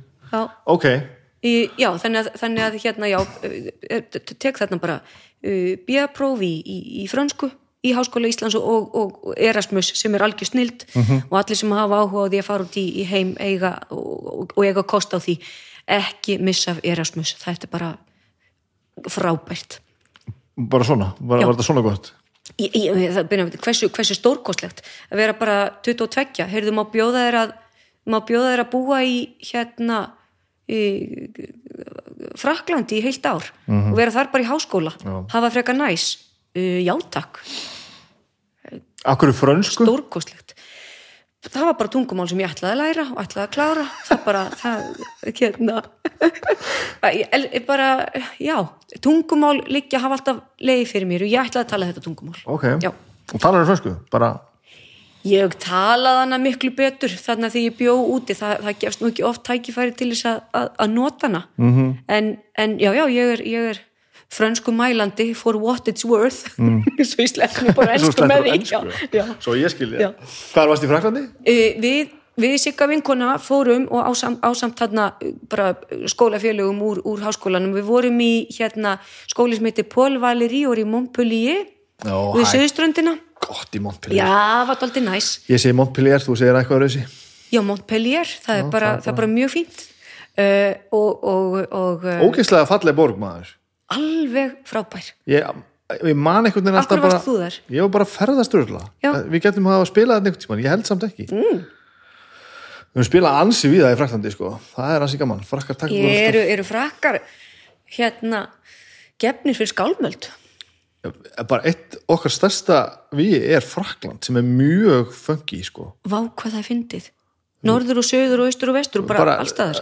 skiptir svolítið máli hvaða borgum við erum sko, og ég man ekki eins og hverju hvað lengur. Ég, ég bara, ég hérna man það bara, okkur líður alltaf vel í Fraklandi og það er alltaf vel mætt. Og bara já, ég veit ekki hvað þetta er, við fáum alltaf mjög góða tengingu og Þeir eru mjög skrýtnir. frakkandir Frakkarnir, já. sko mín reynsla af frökkum var nefnilega ekki þessi sko. Nei, svo byrjuðum við einhvern veginn ég veit ekki hvort að hvernig á ég að orða þetta á þess að allir verið brjólaðir mm. hinn nógu sjálfstætt þengjandi frakki sem að hefur fyrir því að fara þungarastónleika sé bara nógu opinn og svona svona kannski gengt sínum sínum svona venjulega samfélagi mm. að þú farð eiginlega alveg hinna hliðina, þú farð rosalega svona open-minded velgefið uh, uh, svona viðsýnt og silt fólk sko, sem bara svona tala við og bara uh, skilur hvaðan þú ert að koma og hefur einhverja miðla sumstaða túramaður og það er svolítið mikið litið upp til manns bara þegar maður er upp á sviði eða þú veist, maður kemur einhverstað annars staðar frá Já. ekkert svoleiðis þetta er bara svona jafninga já, grundvöldur jafninga að hitta fólk sem hefur samt brennandi áhuga sem þetta gera og það er ógeðslega gaman Þetta er stórmerkilegt. að því að frakkar í minni reynslu þegar ég bara ferðast eitthvað eru ekki svona sko. Þeir geta, geta verið erfiðir og ég meina kannski, kannski, er, kannski eru við að fá öðruvísi túrista hérna heimið eitthvað, ég veit það ekki. Uh, Parísafrakkar, þeir vilja náttúrulega hafa, hafa hlutin eins og þeir vilja hafa það og, og hérna, það er ekki svona mikill tolerans þegar fólk er að reyna að læra frönsku og er, er mætt hérna fyrir utan Eiffelturnin og ætlar að kaupa sér vassflösku Já. og þá er það bara og ekki skifu menn, menn eru bara og ma maður finnur alveg fyrir því ef maður er bara svona aðeins lengi að tala og lengi að hugsa.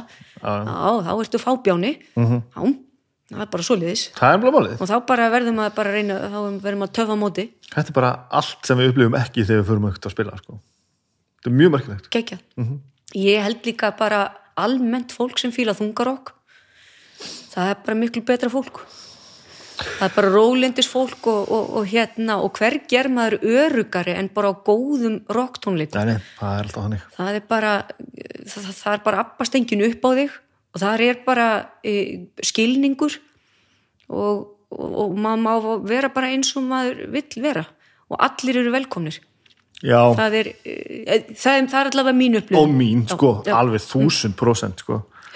ég held að þetta sé hérna, hafið svolítið mikið með það að gera að þú þarft að hafa fyrir því að hugsa út fyrir meginströmmin Já, og, og kannski er orkan líka sem leysist úr læðingi við það að Og- búa til tónlistun og hlusta á hana þú ert sko. búin að taka út, þú þarft ekki að berja neitt þú þarft ekki að lega með sko.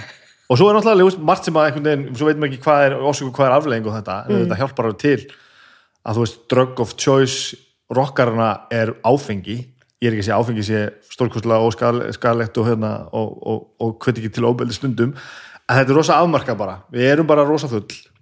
Og það er bara rosa gaman. Og sumir bara ekkit fullir og eru bara að rækta, það, sko. rækta norska skóakett og píranafiska og, og bara það er eitthvað svona það er eitthvað svona hérna eitthvað samfélag sem að frekar upphef, upphefur því góða eldur en hitt sko. já, það er þannig. Bara hérna, já. Þetta, maður er búin að setja orkuna á, á ákveðin stað. Þú vilt meina það sem málið? Við séum bara komið útrásinu á annan stað ég held að sé minni frústrasjón. Ég held að sé bara miklu minni frústrasjón að það bara búið að En hvað með öll reyfin það sem að þú veist ætlum ég ekki að stereotypíska öll, öll reyf já, en ég veit alveg nógu mikið í gegnum tíðina hvernig hlutin hafa verið sko. já, en ég veit ekkert um reif hef aldrei farið á reif meiki ekki þessa tónlist Það gaman sko. og myndi aldrei setja svona bjöllu hatt á mig ekki séns. Þa þa þar er ég bara þa sko, þarna er eitthvað svona 90s sem að ég bara misti af. Já.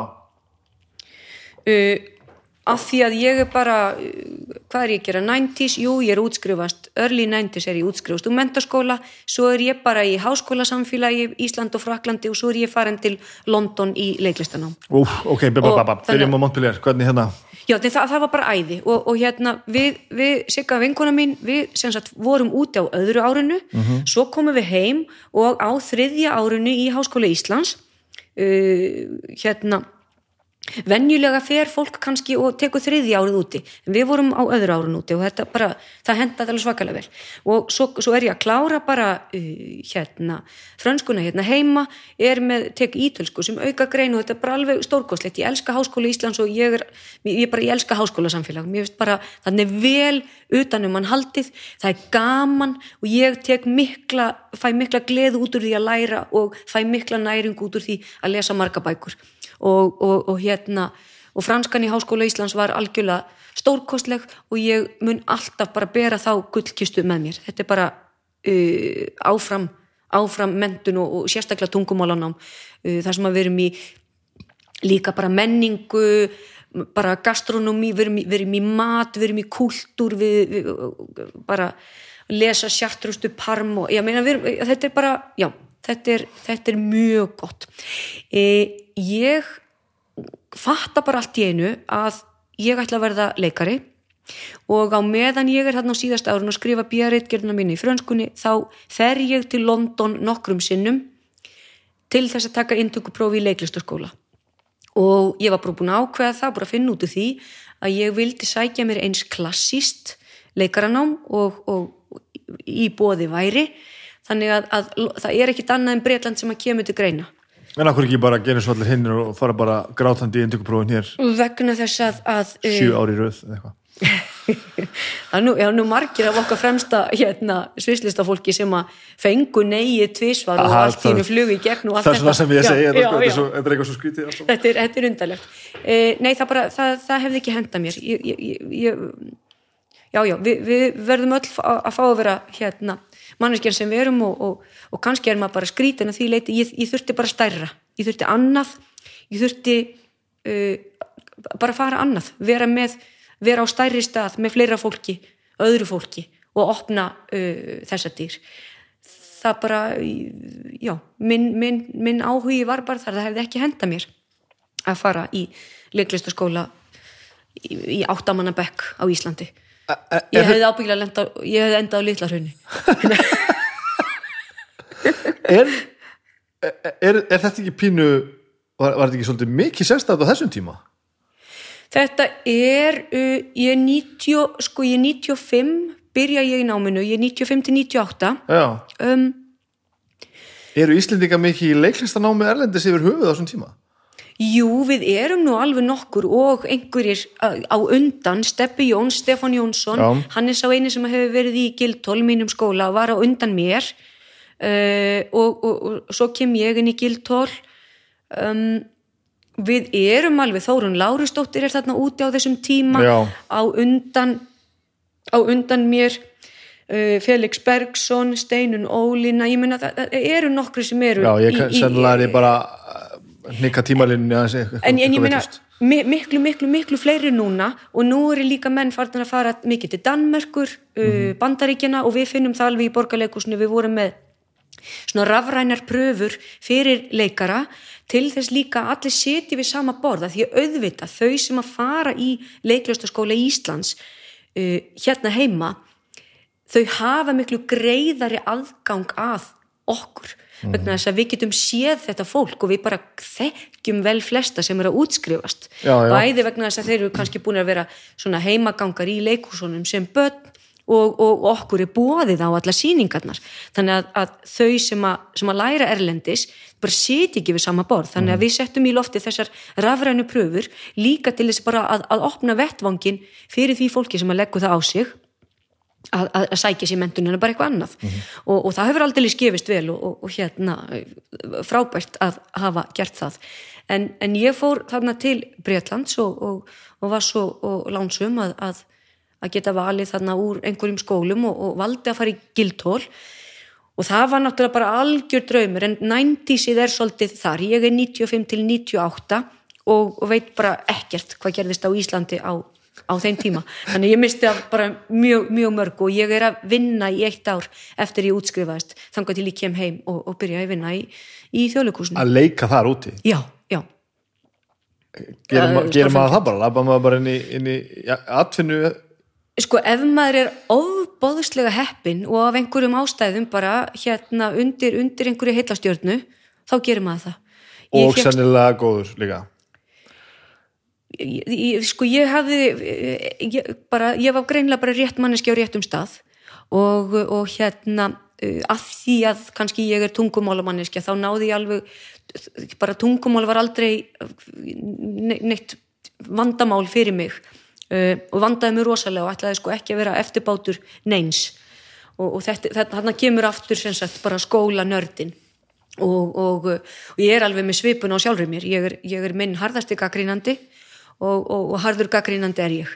Þannig að ég á stundum mjög bátt og er, er hérna minn, minn verstu ofinur þegar, þegar kemur að því að, að, að e, vanda mig og gera vel. Uh, en, en já, ég var bara ég veit ekki, rétt manneski á réttum stað og, og bæði náði tökum á því að uh, hafa húmor fyrir sjálfur mér geta hleyið að, að því sem ég var sem þýðir að, að veist, það var ekki tiltökumál fyrir mig að leika skratta og púka og, og, og, og álfa og kalla og kettlingar og hvað sem er. Bara líka með minn var verkfærið og áfram skildu við. Og líka að, að hérna ég sigraðist á óttanum við að syngja. Uh, vissulega hef ég alltaf sungið bara heima hjá mér en það var náttúrulega bara batn að syngja hlustand á plötur en, en mér þótti aldrei þægilegt að syngja fyrir framann fólk. Og, og aldrei myndi mér dætt í huga að standa upp í ammæli og, og, og syngja. Að ég, ég get bara sungið gegnum karakter. En þetta var líka lekill að vera syngjandi og fysiskuleikari ég, ég, bara, ég var mjög heppin. Fekk umbóðsmann og, og, og það fyrsta sem gerist eftir ég útskrifast er að ég gætt valið um jólasýningu í tveimur leikhúsum annars vegar hjá Royal Shakespeare Company og hins vegar hjá Royal National Theatre. Og ég meina þetta er náttúrulega algjörlega já, ég var mjög lánsum já. og ég valdi uh, að vera hjá uh, National Theatre og var þar í jólasýningunni þeirra sem var Pétur Pan. Mm og, uh, og bara draumurinn fyrir ungan leikara að vera komin inn í þetta risastóra hús leika á Olivier stærsta sviðinu þeirra um jólin lapp alltaf yfir Waterloo Bridge til að ná uh, lestinni um, um jólaleitið nei ég minna ég var, ég var mjög heppin lítur stúlka. Þetta er fallið mynd. Já, Já þetta var, indislegt Fannst þér þarna bara þess að þú væri búin að finna þetta bara? Þarna væri þú bara búin að búin að leysa málið maður er aldrei búin að leysa málið og það verður alltaf mál að leysa. Og, og hérna, og líka sá sem er hérna svolítið harður við sjálfan sig. En þetta var, ég meni auðvitað var þetta einhvers konar hérna ekki, ekki sigur, ég er svo lítil keppnismanneskja, sko, ég, ég bara Eh, trú alltaf á hungullna meðal, meðalveg og, og að, að það sé hérna, ef maður leggur á sig þá uppsker maður.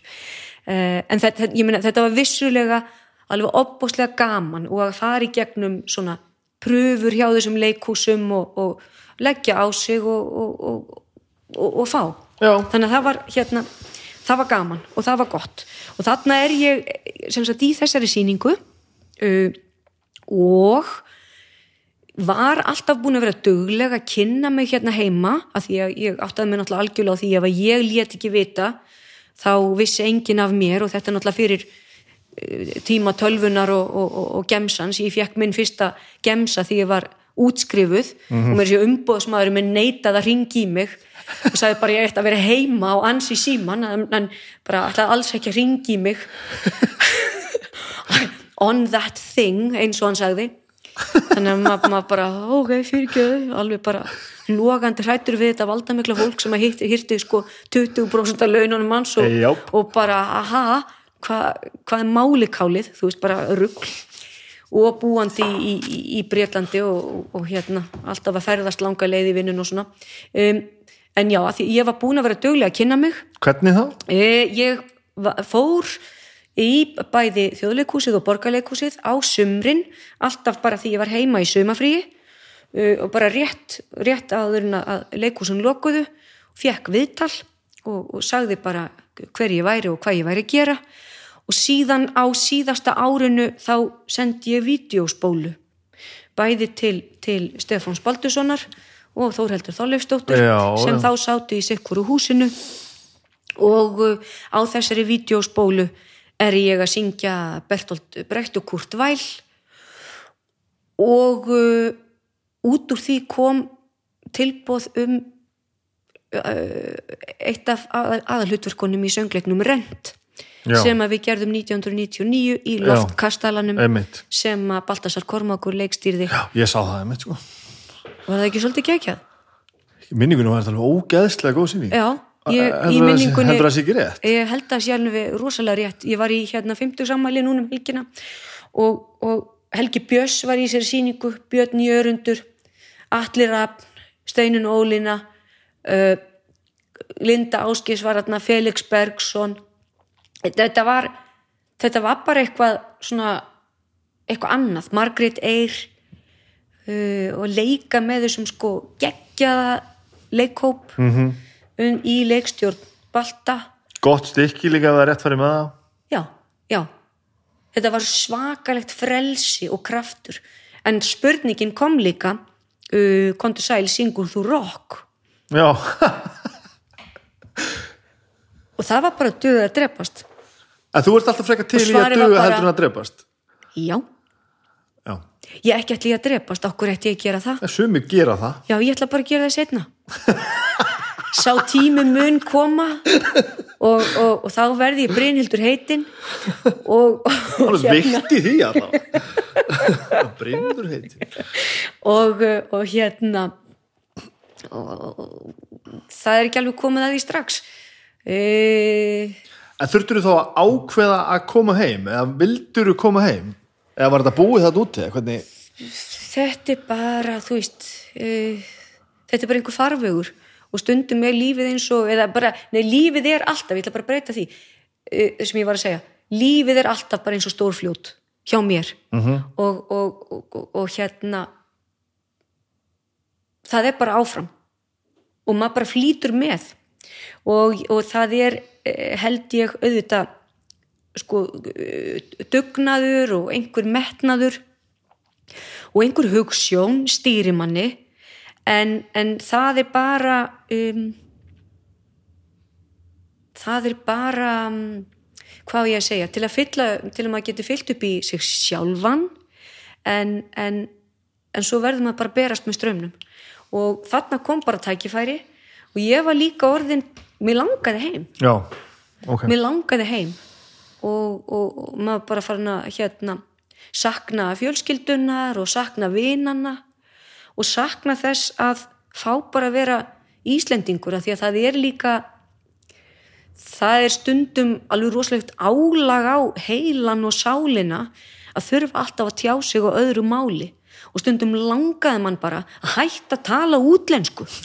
Og fá bara að tala íslensku og geta tjáð sig alveg ofan í, ofan í sko rótina á sálinni. Uh, kunna öll orðin kunna öll orðin og fylla út í þau. Já. og bara stundum að vera skilin fyrir það sem maður er. Mhm. og, og, og við sem bara erum alin upp á þessu landi, þú veist, það skilur engin annar veðráttuna, það skilur engin litina í esjunni, það skilur engin um, merkinguna að, að keira niður kampana nema sá sem hefur upplifað það. Ég held að það sem þú sagðir áðan með þetta, þú veist, að að tala á það allt saman ég held að þú setja í orð, fyrsta skitt svo ég heyri til, sko, ástæðana fyrir því að ég vil ekki búa í útlundum ég held að það sé bara nákvæmlega þetta, mér líður vel þar. Og ég er til að vera í einhvern, einhvern x tíma og eitthvað svo leiðis það er geggja að vera gestur í útlöndum. Ógeðslega gaman. Og það er meiri sem gaman að vera svona vera svona uh, borgandi gestur sko. Mm. þú veist, búa þar sko. Já, já, en að kemur til greina að ég myndi vilja fara og flytja. Ég bara, ég held að þetta sé nákvæmlega ástæðan, bara ég næ ekki sömu dýftinni sko, þar og hér ég, þetta verðist ekki pyrra alla sko. Og maður er alltaf útlendingur. Ég meina með í, í Fraklandi þú veist, maður held maður væri komin á einhvern svona, svona, e- e- einhver- e- einhvern svona stig með einhverju fólki og það kom, kom alltaf "Ó, með vúl, vúlis Íslandi þú veist, bara þið í þið í Íslendingar. Já, já. og það er alltaf filterinn. Þú ert útlendingur þú ert, þú ert öðruvísi. Mhm. og, og, og, og hérna og bara það að heita Brynhildur í útlöndum. Nei ég meina það er heil kvöldstund sem að fer í það að sína fram á það að maður sé manneskja en ekki skrítið nafn. Prófa að heita snæbjörn og útskýra hvað það þýðir. Akkurat. Og, og, og, og þetta er bara hérna og, sjálfsagt er þetta nákvæmlega sama sem að útlendingar sem að flytjast hinga til Ísland og, og, og gerast nýjir Íslendingar upplifa. -hmm. en, en hérna nei, ég var bara, bara ljónheppin og, og uh, hugsaði aldrei út í það, ég hef oft verið spurð langaði ekki til að vera eftir eitthvað svoleiðis? Ég er bara ekki uh, þú veist, ég er ekki það er engin frægðarþörf í mér. Og uh, það er ekki neitt sem kallar á það að, að, að klífa metorðastiga í útlöndum. Ekki nokkuð skapaði hlutur. Af því að ef að ég fyll upp í sálinn á mér þá er ég bara mjög hamingjusum og, og, og einhver svona mína stoltustu stundir og, og mesta gleði sem ég hef upplifað. Það hefur bara verið í, í 500 manna sal, þjóðleikús og borgarleikús og, og ekki síst á 80 manna baðstofulofti í borgarnesi. Já, einmitt. Um, það fyllir upp í mig mm og, og, og, og, og með því næ ég að fylla upp í heiminn samt með þetta mál sko. Mm. heldur þú væri jafn, ég ætla ekki að kalla þetta næjusemi þetta er ekki næjusemi sko. Heldur þú væri jafn rólega með þetta ef þú hefðir ekki prófað heitt fyrst. Að vera út að, að hvað? já, að þú veist, þú, þú varst að leika þú veist, þarna. Já, þú meinar, já, já að, að, njá, kannski, kannski er ég líka uh, kannski er ég líka sött. Já, að því að uh, og, og, en þetta er náttúrulega bara á, á mínum, mínum skala en hann er fullnægandi fyrir mig. En, en til dæmis að leika hlutverk eins og Edith Piaf Mhm. á sínum tíma það, það bara fyllir upp í svo margt og sjálfsagt ef að ég hefði ekki gert og ég hefði ekki gert brák og ég hefði ekki uh, leikið njál á bergþóskvóli og ég hefði ekki ge- gert þetta og hitt og hefði ekki leikið á nasjónal þá var ég ábyggilega ófullnægð og, að leita að einhverju. Kan, kannski. Að því ég finna svo mikið núna sko að þú tala um þetta með sko einmitt, þetta með brák og 80 áhrifina sko. þetta er svo, ó, og í dag er þetta svo ofbóðslega gaman sko, það er svo gaman að fara og fara inn í eitthvað gott sett upp og spila fyrir getur verið svo óskaplega fáir og það getur svo ógeðslega gaman og gefandi og einmitt svona fullnægandi og einhvern veginn kemur svo mikið gott út úr því Já. að ég held að ég kunni miklu betur að meta þetta af því að ég er búin að tikka við svo mörg önnur bók sko. Bæði bara til þess að geta svona tikka við og það er svolítið töff Já. en líka ég er líka búin að upplifa þá að gera það sko. Ég hef alveg spilað fyrir fulla eldborg sko, og það er geðvikt Svaka stuð. ja, það er miklu Já. meira en það, það er rosalegt sko. en ég held ég njóti þess enn meira að spila á græna hattinum að því ég er búin að gera hitt sko. á þess að sko draga, draga úr hvoru sko. Er þetta ekki, bara hver og einn þarf bara að fylla upp í sitt Jó, ég, kannski er þetta með það sko. og, uh, og hérna og svo er þetta þetta er bara ferðalag? Og, og stundum best maður bara með strömmnum því líf, lífið er aldrei áfangastæður það er alltaf ferðalag. Já. Ég heldur hljótum að fatta það tímann. já, Hvað hérna fyrir þetta, hvaða leið fyrir þetta eftir rent? Þú ert ekki, þá ert ekki ráðinn nema bara verkefnum bara síst þá jú, jú, hvað? þá kom bara fastráðning og þá er bara hérna þá held ég bara áfram, ég var í Hver settu brent? uh, hvaða Þú, þú varst ekki, ekki fast ráðinn þá sem sagt, heldur eftir það? eftir það, Já, ég skil ekki, já, já, já, já. Já.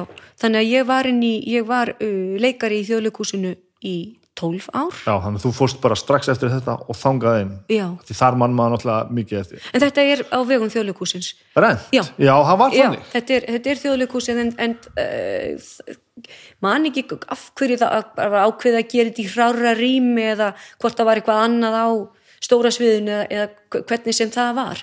En þetta er sem sagt á vegum Ókei. þjóðleikúsins en gert, Já, út, gert út í loftkastal. Áhugavert. já. Já, já, en svo er maður bara búin að vera í leikhúsi Já. síðan. Uh, ég tók mér eitt ár bara svona svolítið time out.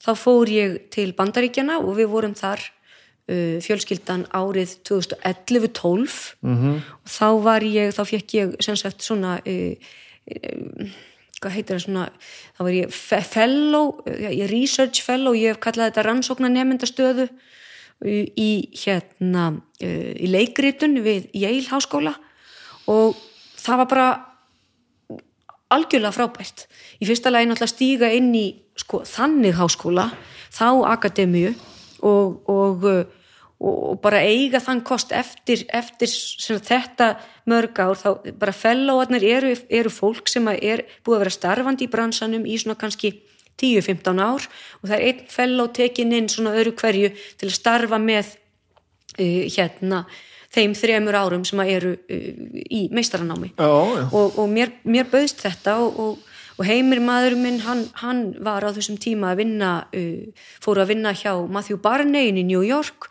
og, og, og Rafnildur stelpan mín var í tíu ára bekk ég menn þetta var algjörlega sko briljant fyrir okkur en á, að samaskapið þú veist bæði líka skrítið og, og erfitt og stór hættulegt að vera allt í hennu flutt til bandaríkjana um, sem er svo sem er svo ótrúlega skrítið land. Það gefur svo mikið og það tekur svo mikið.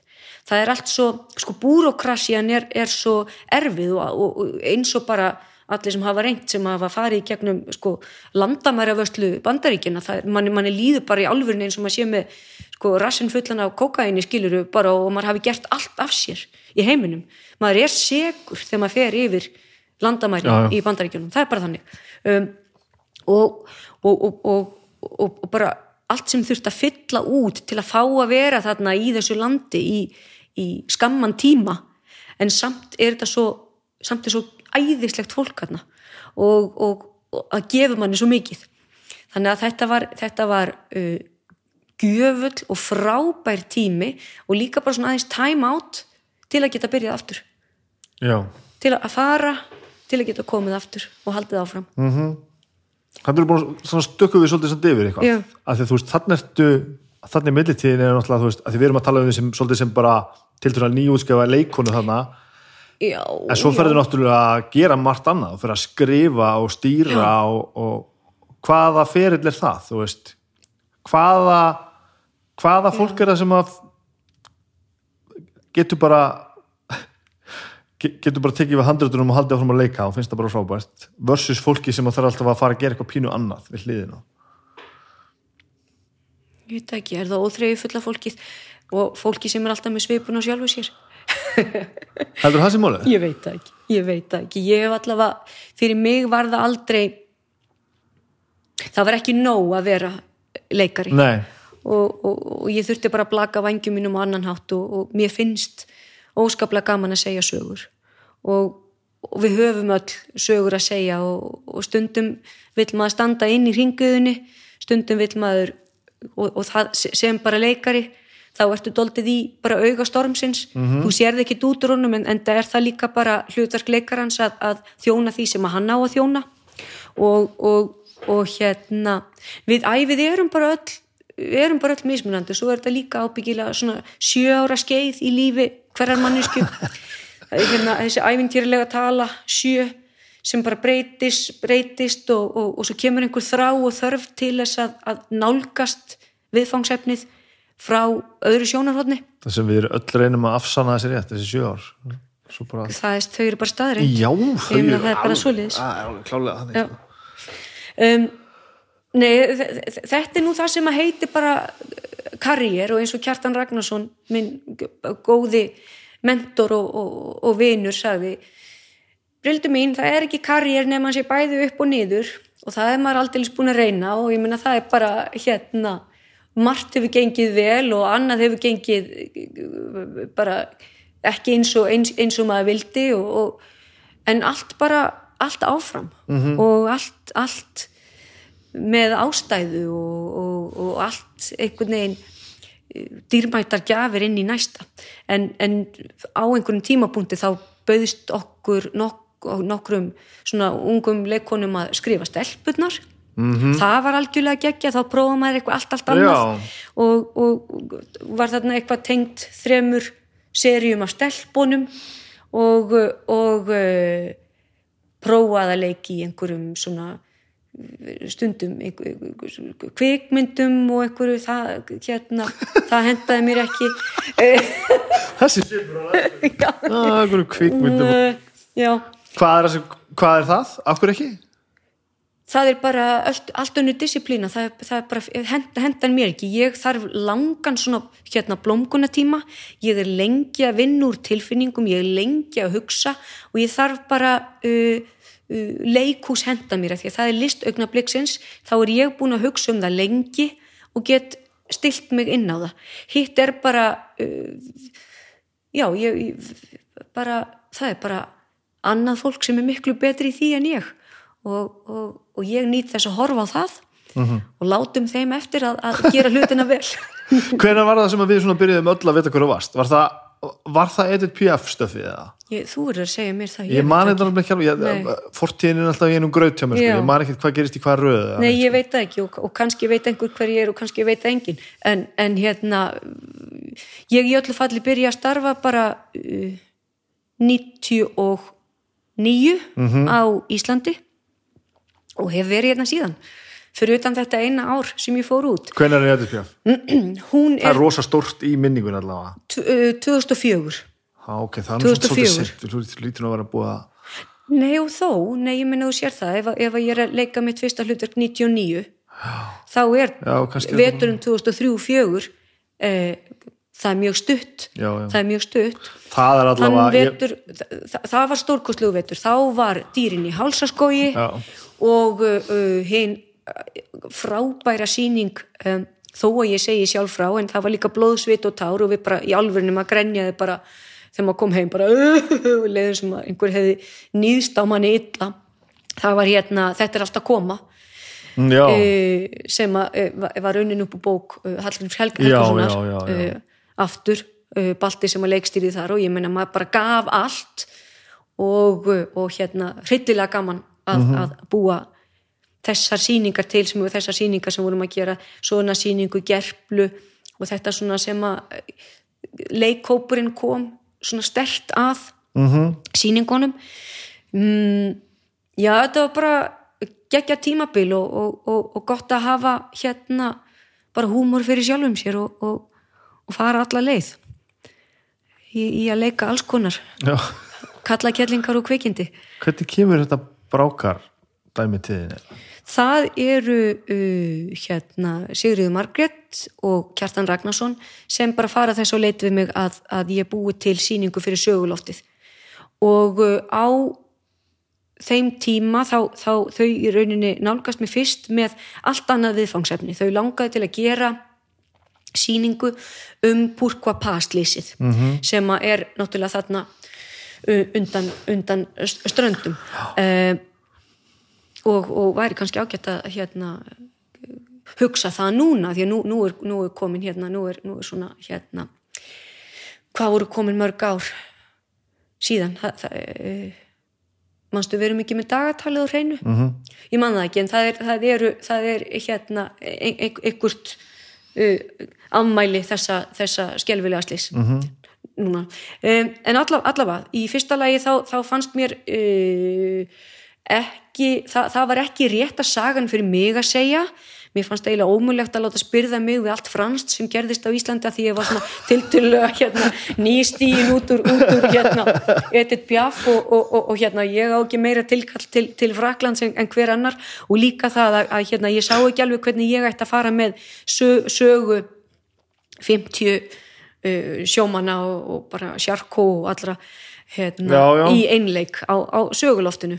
Allavega, við, við fórum að hugsa og skoða og svo kom það bara til mín að hvaða sögu eigum við að segja á landnámsetri e, sem stendur við brákar braut við brákar sund í borganesi þar sem að björgunarsveitin heitir brák og minnismerki brákin stendur upp á klettinum á bakvið. E, hver er þessi kona sem sem, sem að hálft borganes er nefnt eftir uh, þurfum við ekki að segja hennar sögu og við sammældumst um það. Um, og svo fatt að ég bara skömmu setna ég er búin að koma mér í töluverðan boppa vegna þess að um hann eru skrifaðar 11 línur í eigilsögu en þetta þurfti að verða heil kvöldstund það eitt og sér nú algjör, algjör galdur að gera það sko en við, hvernig stendur það á því að allt heitir í, í höfuð á henni? að þetta er stórmerkileg manneskja og svo, Í þessum 11 línum, er það nóg? já, að því að, já, að því að mátturinn hennar er svo miklu meiri og, og, og sannaðist líka þegar hún fór að kafa djúpt í efnið e, djúft í hvaða efni? Þessar 11 línur? Í áhrifin, hérna markfildis áhrifin út, út frá henni. Að því að ef við bara skoðum yfirborð þá er það bara, þá er sagt frá henni og hún, hún um, um hana eru skrifaðir bara þrýr hlutir. Eh, en hvað er það sem er skrifað um hana og hvaða áhrif og af hverju er Egil Skallagrímsson sem er, sem er í, í, í, í grunninn bara hérna bara morðingi og, og, og, og, og, og berserkur. Af hverju finnur hann farveg í tungumáli og skáldskap? Af hverju er hann ekki bara slátrar eins og pappans og afans? Um, uh, það er hérna það, það, er, það er stóra málið. Og nú er þetta hérna, nú er svo mikið á harðadisknum hjá mig núna því ég er bara búin að vera í, í, í krefjandi starfi í tvö ár. Þannig að ég man ekki alveg hérna orðin og, og, og, og, hérna nákvæmlega innihaldi það ég vildi svo gjarnan bara koma með það hérna til þín. En e, það er alveg e, það liggur í augum uppi að þessi kona sem hérna er sögð hafa heitið Þorgerður en bar viðunefnið Brák þetta er bara manneskjan sem að hjálpaði e, einhverjum sem að öllu óbreyttu hefði ábyggilega bara verið, verið morðhundur og, og, og skelvilegur eh, einstaklingur að setja tilfinningan sínar og orðin í skáldskap og varð þannig okkar mesta skáld. Bara fornaldar og, og, eh, og sá sem að ruttu svolítið brautina í því að, að, að kallmenn mega tala um tilfinningar Ég sá aldrei þessa sýningu þar. Ég er alltaf bara eitthvað deilt. Ég hugsa oft, ég, ég hugsa, ég hugsa, hugsa um þetta hvert eina skipt sem ég keiri í gegnum borgarnis. Ég hef aldrei séð þetta. það er æði, Það það er er líka æði að það leitið alltaf á þig það er hræðilegt, sko. þú fer bara að skoða brákina Það, það, það er ekki að sama. nei, kannski ekki Getur nei, ekki, þetta hérna, getur ekki sett þetta upp eins og ég svona bara til þess að við getur komið sem að. Jésús Kristur Ég meina þetta gekk alveg lengi, lengi, lengi. já, þetta gekk, þetta hérna uh, þetta, þetta var náttúrulega einleikur og, uh, og ég var í sem sagt á, á uh, söguloftinu og við, ég, við hætti í 180 sýningum það var þegar ég fór til bandaríkjana já það er svolítið að, að hérna, þá kom sér vel að vera einbytni svo ég klefin á því einu sinni enn að vera, að vera sjálfum sín nógur og, og, og, og keira í, í borganes og hlusta á tónlist og keira tilbaka og svo lék ég töluvert af síningum í hérna þegar Tinna Gunnljósdóttir var hérna þjóðlíkustjóri þá bauð hún mér að koma með síninguna sem sagt inn í hérna litla rými þeirra sem heiti núna Kúlan. Mm -hmm. og, og við gerðum það, við fluttum síninguna í, í bæin og, og, og það var bara algjörlega frábært að fá að gera það og ég held að, að, að fleiri gáttu þá fengið að njóta. Uh, en, en það er hérna þetta var náttúrulega óðismanns æði að ætla sér að búa til eitthvað skríti vikingaleikrit fyrir 80 manna baðstofuloft og, og að, að hérna fara af uh, fara úr fjárhagsörygginu vegna sem ég sagði upp samningnum mínu Já, í, þjóðleikusinu til að gera þetta. en það var nú bara einfallega vegna þess að, að ég er einhvern veginn þannig víruð að mér fannst svo mér fannst bara siðlaust að, að, að ætla að reyna að fara að hanga einhverjum launum og, og hérna vera að sinna öðru Já. þannig að þetta var svo, svo bara ábyrg sem ég tók og, og, og við og þetta hefnaðist Mhm. og fólk langaði til að koma að heyri sér sögu og þetta er náttúrulega geggjaður staður líka og hvet alla til að heimsækja hérna landnámsetrið í Borganesi ég meina bara frábært já. og þau frábært kjartan og sýri og minn náttúrulega mikið leikhúsfólk og þeirra hérna og þeim mikið í mun að, að geta verið með atvinnuleikhús á landsbyðinni sem, a, sem er líka eitthvað sem, a, sem a er, er skipti gríðaljú máli Mhm. og Áður- við viljum halda áfram Já Ó, Ég ég hef eftir að ég hef eftir að hugsa ekstra mikið um þetta að ég keri gegn núna sko.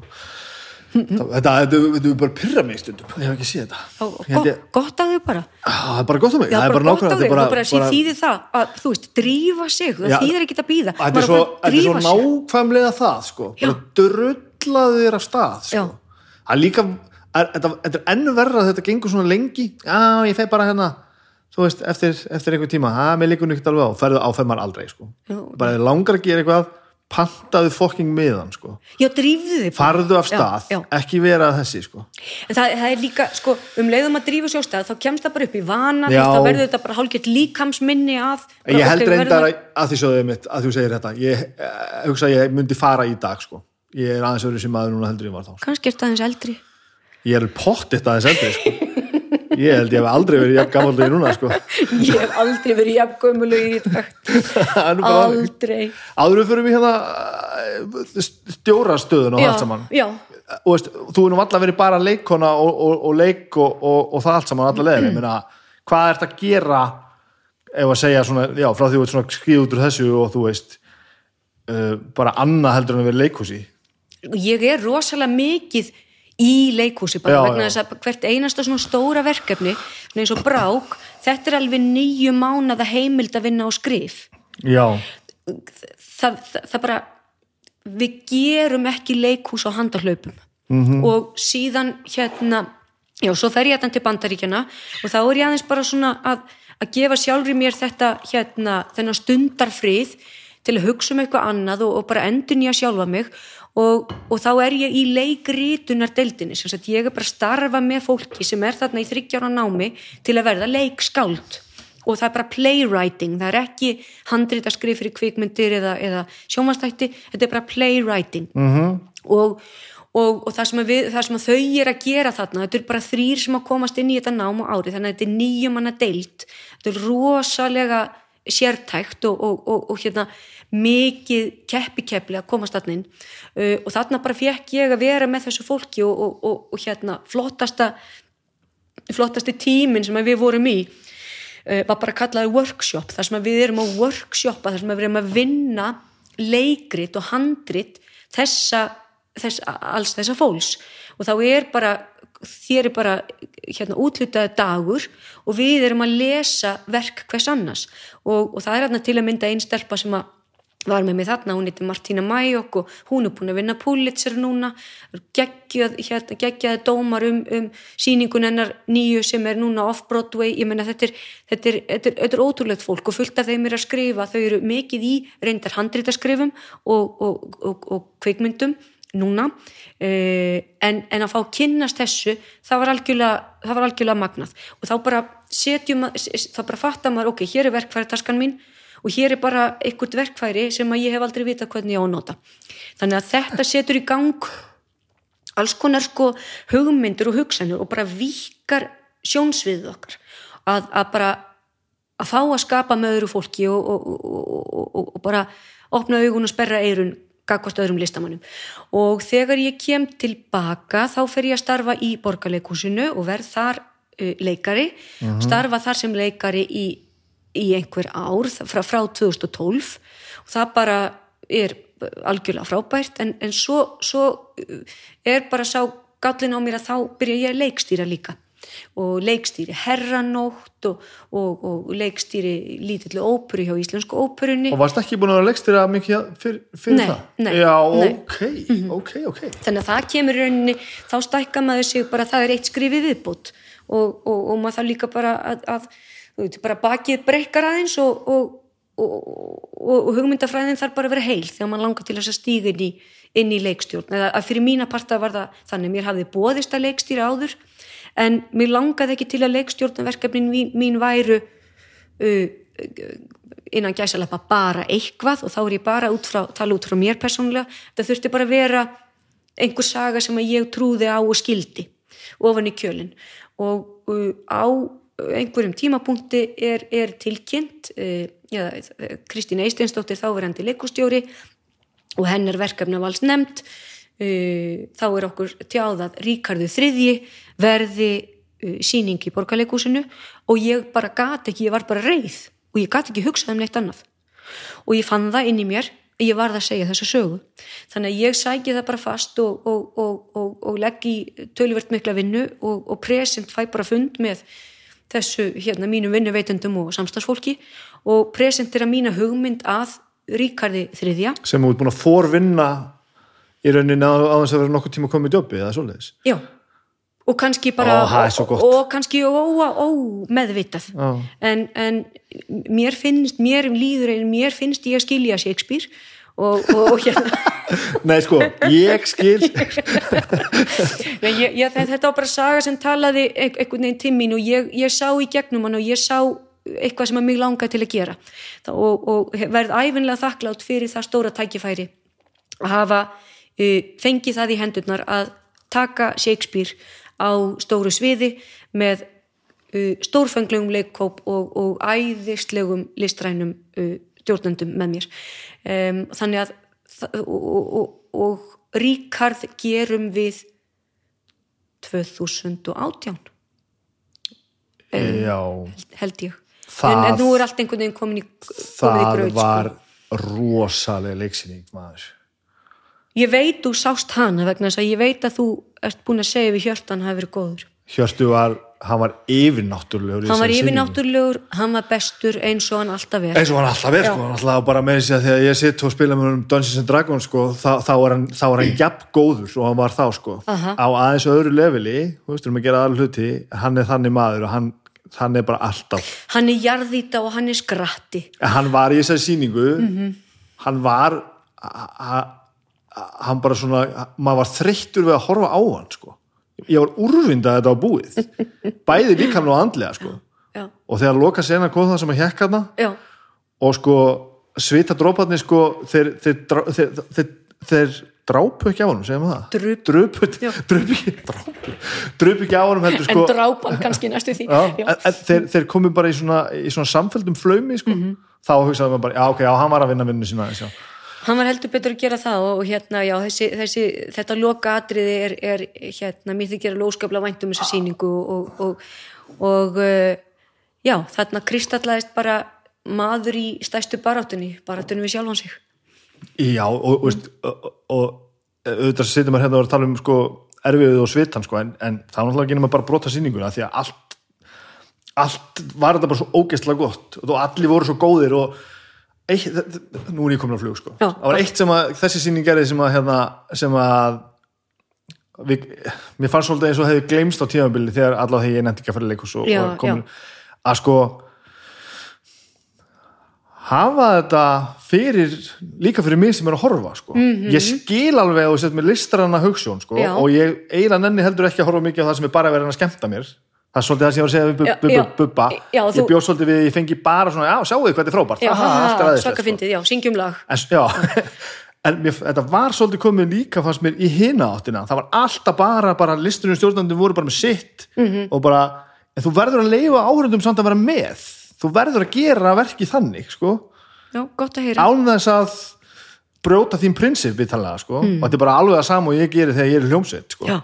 Veist, ég, ég sem í músikan sem ég, ég vil semja og þetta er svona, svona, svona já, en ég veit alveg að ég er að fara að spila fyrir fólk sko. Það skiptir máli það Og skiptir Ríkharður- öllu máli að því að þú veist að við, að við verðum að vera í einhverju samtali því annars veit, við bara verið að, að æpa eitthvað fyrir tómum sal Já. en, en það, það verður ekki neitt og það er ekki, það er ekki það sem leikhús er Nei. og ekki tónlistaflutningur heldur Nei. ég meina það er það má alveg, ef þú bara, vilt bara verið þeim gjörning að gera það eitthvað stað Já, já, bara allir velkomir að sko. klífa eins háttuðu geti sem fílabinstur, það er bara, hérna, bara flott mál. En þarna bara kom saga sem er heldur ekkert auðmelt sko. Þú veist, hún er svolítið svona Ríkarur er svona, ma- maður þarf að aðeins að fylgjónum sko. Í Shakespeare er alveg bara, hann er, hann er mjög flókin og, og, og, og hérna, e, þetta er skrifað fyrir fjögur hundruð árum Já. og tungumálið er formt. Já. En svo er það bara, uh, uh, uh, hver einasta kynsluð verður að fara höndum um klassíkina -hmm. og það er hverjum bara listrænum hóp eða, eða leikstjóra í sjálfsvald sett hvernig hann túlkar uh, söguna en, en ég lagði rosalega mikið upp úr því að sagan væri skýr og, og það var unnin bara mjög grundig leikgerð þar sem ákvarðanir voru bara teknar og, og við unnum alveg svakalega mikið með textan og, uh, uh, og þá er ég að meina textaflutningin -hmm. og Kristján Þórður Rapsson sem er algjör snillingur sem er bæði uh, leikskáld tónlistamaður og ljóðskáld hann fer eins nálagt bragarhætti Shakespeare's og hægt er á íslensku. Já, já, hvað þýðir það? Það þýðir það að við erum að nota sláttin, við erum að nota rithman. Hrynjandin verður svo sama. Eins, já, eins já. nálagt og, og náttúrulega við komumst. En, en sá bragarháttur hérna, það heiti blankvörs uh, og, og á íslensku he- hefur stakenda verið not- notuð. En, en þetta er uh, pentajambi og hann er eins og hjarsláttur di-dam, di-dam, di-dam, di-dam, di-dam. Og næsta setning. Vá. og það sem að gerist er að þú sem áhorfandi þú trúir og þú treystir og þú andar með. Og svo Shakespeare svo klár að þegar óstabílar personur byrja að tala eins og Ríkardur eins og Macbeth þá rugglar hann í bragarhættinum. Fokkar hann í manni. Þannig að di-dam, di-dam verður oft di-dam, di-dam, di-dam, dam-di, di-dam, di-dam. Og allir sem eru ómennskir þeir tala í tróka sem er bara fjögurslög eh, af því að það er ekki hjarsláttur í þeim.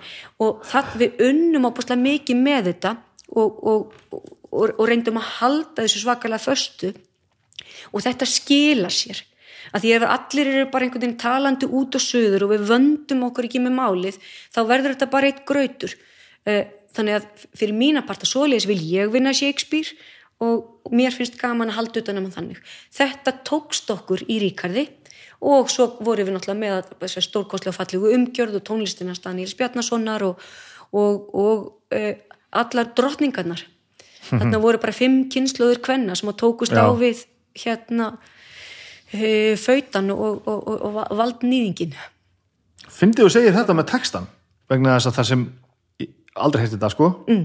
og þetta er briljant uh, Mér líður svolítið eins og þú væri núna að lýsa einhver svona háflegri aðgerð sko, að textin er svona háflegu fyrir vikið, en sem, eitt af það sem ég tók út úr sí- sí- sýningunni var eiginlega það að þetta varði eiginlega láflegara heldur en oft áður, sem gerði það verkum að ég skildi þetta betur sko. Textin varði ekki svona bara ég er að segja að þið er eitthvað stórkostlegt og maður bara, já, já, ok, slaka á, slaka á, slaka Nákvæmlega, á. veistu- heldur fekk ég miklu meira til mín bara, herðu, þú ert að leika fyrir mig, það er geðveikt. bara frábært og þá er björnin unnin og það er nákvæmlega það sem við viljum gera og, og, og bestu kommentin voru er þetta bara svona einföld saga? Er þetta bara svona? Já maður minn, þetta er bara svona. Og ef við höldum að sé eitthvað annað það er miskilningurinn af því að það er ekkert háflegt eða óaðgengilegt við Shakespeare, ekki nokkuð skapað hlutur. Nei. ekki nema bara leikstjóru sem að skilur ekki Shakespeare og leikari sem að heldur hann skilji eitthvað og sönglar eitthvað út í bláin og er ekki tengslum Mhm. -hmm. nú þá verður þetta bara eitthvað bull og kannski þessi 400 ár maður þarf náttúrulega kannski að vinna eitthvað með að eitthvað hafi gæst á þessum tíma sko, ekki? í grunn þetta er svo einfalda sögur Ah. að þetta eru bara sögur þetta er bara maður sem skrifaði sögur um fólk fyrir fólk mm. þetta er eins basic og hugsast getur þetta var allavega geðvik síning sko. það var svo gaman sko. það var svo ógeðslega gaman hérna, það var svakalega gaman að vinna þetta. Já, en þar, þarna, þarna var pínu leikstjórn og svo bara einhvern veginn stórfljótið bara reyðist áfram og, og, og nú er ég búin að vera næstum því hugsaði þér það bara fyrir að nálgast tvö ár -hmm. í hérna í, í mínum nýja stóli sem leikustjóri og það er bara algjörlega makalist hvað tími flýgur ég, ég ætla að reyna að spóla aftur tilbaka sko. þú hérna grefst ekki að sé að- var aðeins að meina þetta náðan hvað með allt það? að þú veist, þú veist, svo rosalega leik, leikus þú veist, hvað bara með fólkið þitt og, og, og, og fjölskylduna og, og heimili og áhugamál og eitthvað svoleiðis þau verða rosalega fyrirferða lítil þegar, þegar leikúsið er annars vegar eh, hvað gerum við? Dótt, hún Rafnildum mín hún er tvítug og við og heimir maðurinn minn hann er leikmyndahöfundur og við eh, við vinnum bara alveg opbóðslega mikið. Og hefur þetta alltaf einhvern veginn verið í gefnum tíðina, bara svona? já, alltaf, já, já. já, já. Eh, mér finnst gaman að hjóla en ég er, ég er lítill íþróttamaður en, en finnst alveg gaman að gera eitthvað þetta er bara það sama, við bara reynum að elda mat og hlusta tónlist. Fara út, labba Eh, það er alltaf, eru alltaf kettir á heimilinu. Núna eru búin að vera í tæp þrjú ári lítill hundur, það er hún Lotta. Betra barn er ekki til í í veröldinni, elsku hjarta mitt. Um, ég veit ekki ég get ekki svarað þessu. Veist. þetta er bara ástæð, er fyrir spurðið sko, þegar allt sem þú ert búin að segja er svo rosalega mikið um þetta allt saman. Já, og ég bara var að hugsa bara í alveg að pæla hvort það væri eitthvað svar við þessu. Þú, þú æfir ekkert badminton. Nei, nei, nei. Ég byrjuði leikfumi núna. Ok. Ég klukkan 6.30 á mótnana ég átti alls ekki vonaði að ég myndi geta það. En ég bara mæti.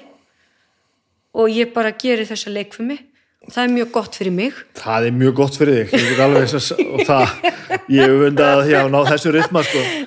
Uh, en, en þú veist, ég meina þetta er alveg tiltölulega sjálfbært heimili þetta eru bara tveir fullorðnir og, og eða þrýr fullorðnir að því að, að, því að uh, 20 ára ung kona hún er, hún er ekki barn. Nei, nei. og, og, við, já, við við, já, já það ekki. En þið finnst allavega alveg gott að koma heimtíðin og vera og slaka á? Ég dyrka að vera heima.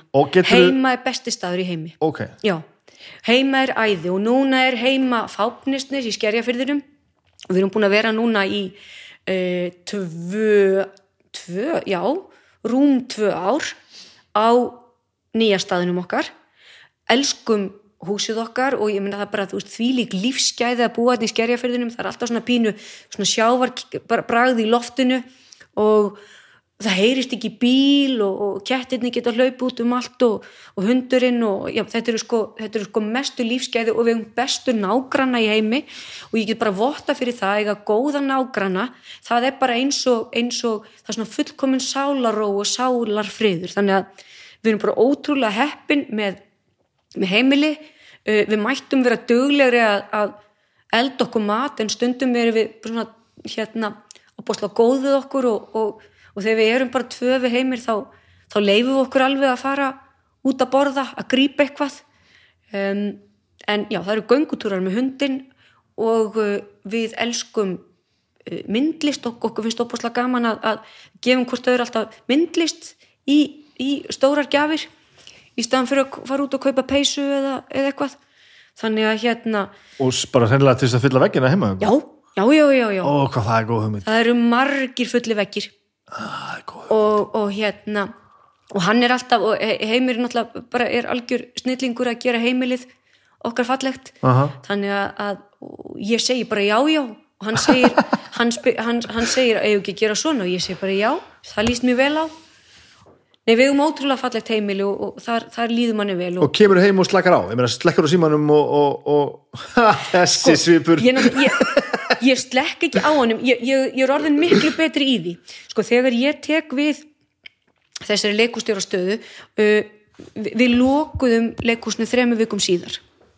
Og ég get alveg ímyndað mig það að, að hérna, það takja ábyggilega bara í venjulegu árferði bara ára að koma sér inn í stóra stöðu. Það var ekki bóðið þannig að hérna fyrst um sinn kom maður heim og, og, og, og tölvan var opaslega mikið opinn en núna er það ekki svoleiðis. Ég loka tölfunni og það var eitt undravert sem að gerðist það var það að við skiptum um gler í húsinu núna í vor. Og eftir það þá get ég ekki talað eiginlega í síman heima. Það næst ekki samband og ég veit ekki hvort að það sé einhver málmur í þessum glerjum eða hvað það er en ég verði helst að standa úti. Þú veist, fólk sem stundur ringi síminn bara ekki. Eftir þið skiptum gler í húsinu? já, já. Þetta, þetta er einhver gler, þetta heitir eitthvað sérstætt, ká-gler eða eitthvað svona frábært. og, og þetta er þannig að þetta sko heldur útfélagbláum geislum úti. Og- ég held að hljóti bara vera og, og greinilega símabilgjum en ég menn þetta meika náttúrulega engan sens nema að sé bara, bara eitthvað loftnet þarna í skerjafyrðinum sem er ekki að virka.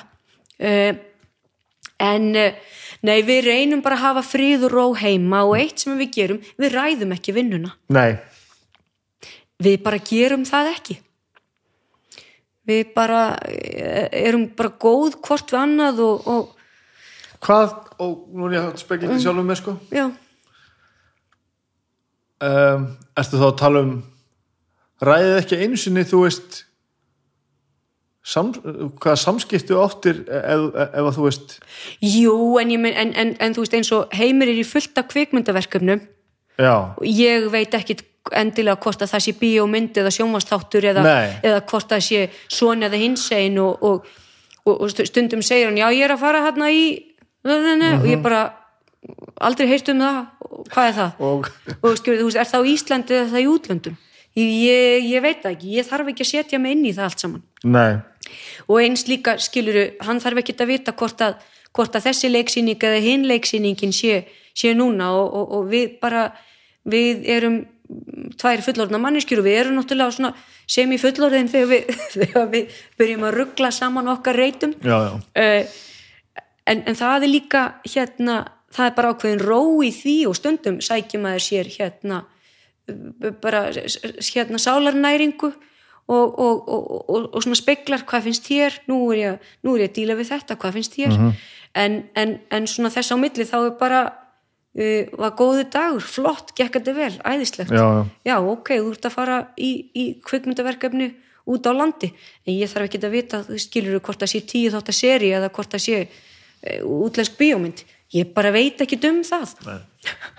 og það er bara allt í lagi en eins og ég segi, bara það er nóg á mínum harðardiski og, og hérna það er alveg í mörg hotna líta þegar hérna þegar maður er að stýra svona stóru skipi sko en, en heima er best, það er alveg klárt mál áður en fyrir að því mér langar að heyra sérna í sambandi við þetta þessa stöðu þessa, Já. um, var var ekkert skrítið að stíga út úr því að leika og, og vilja fara í að stýra?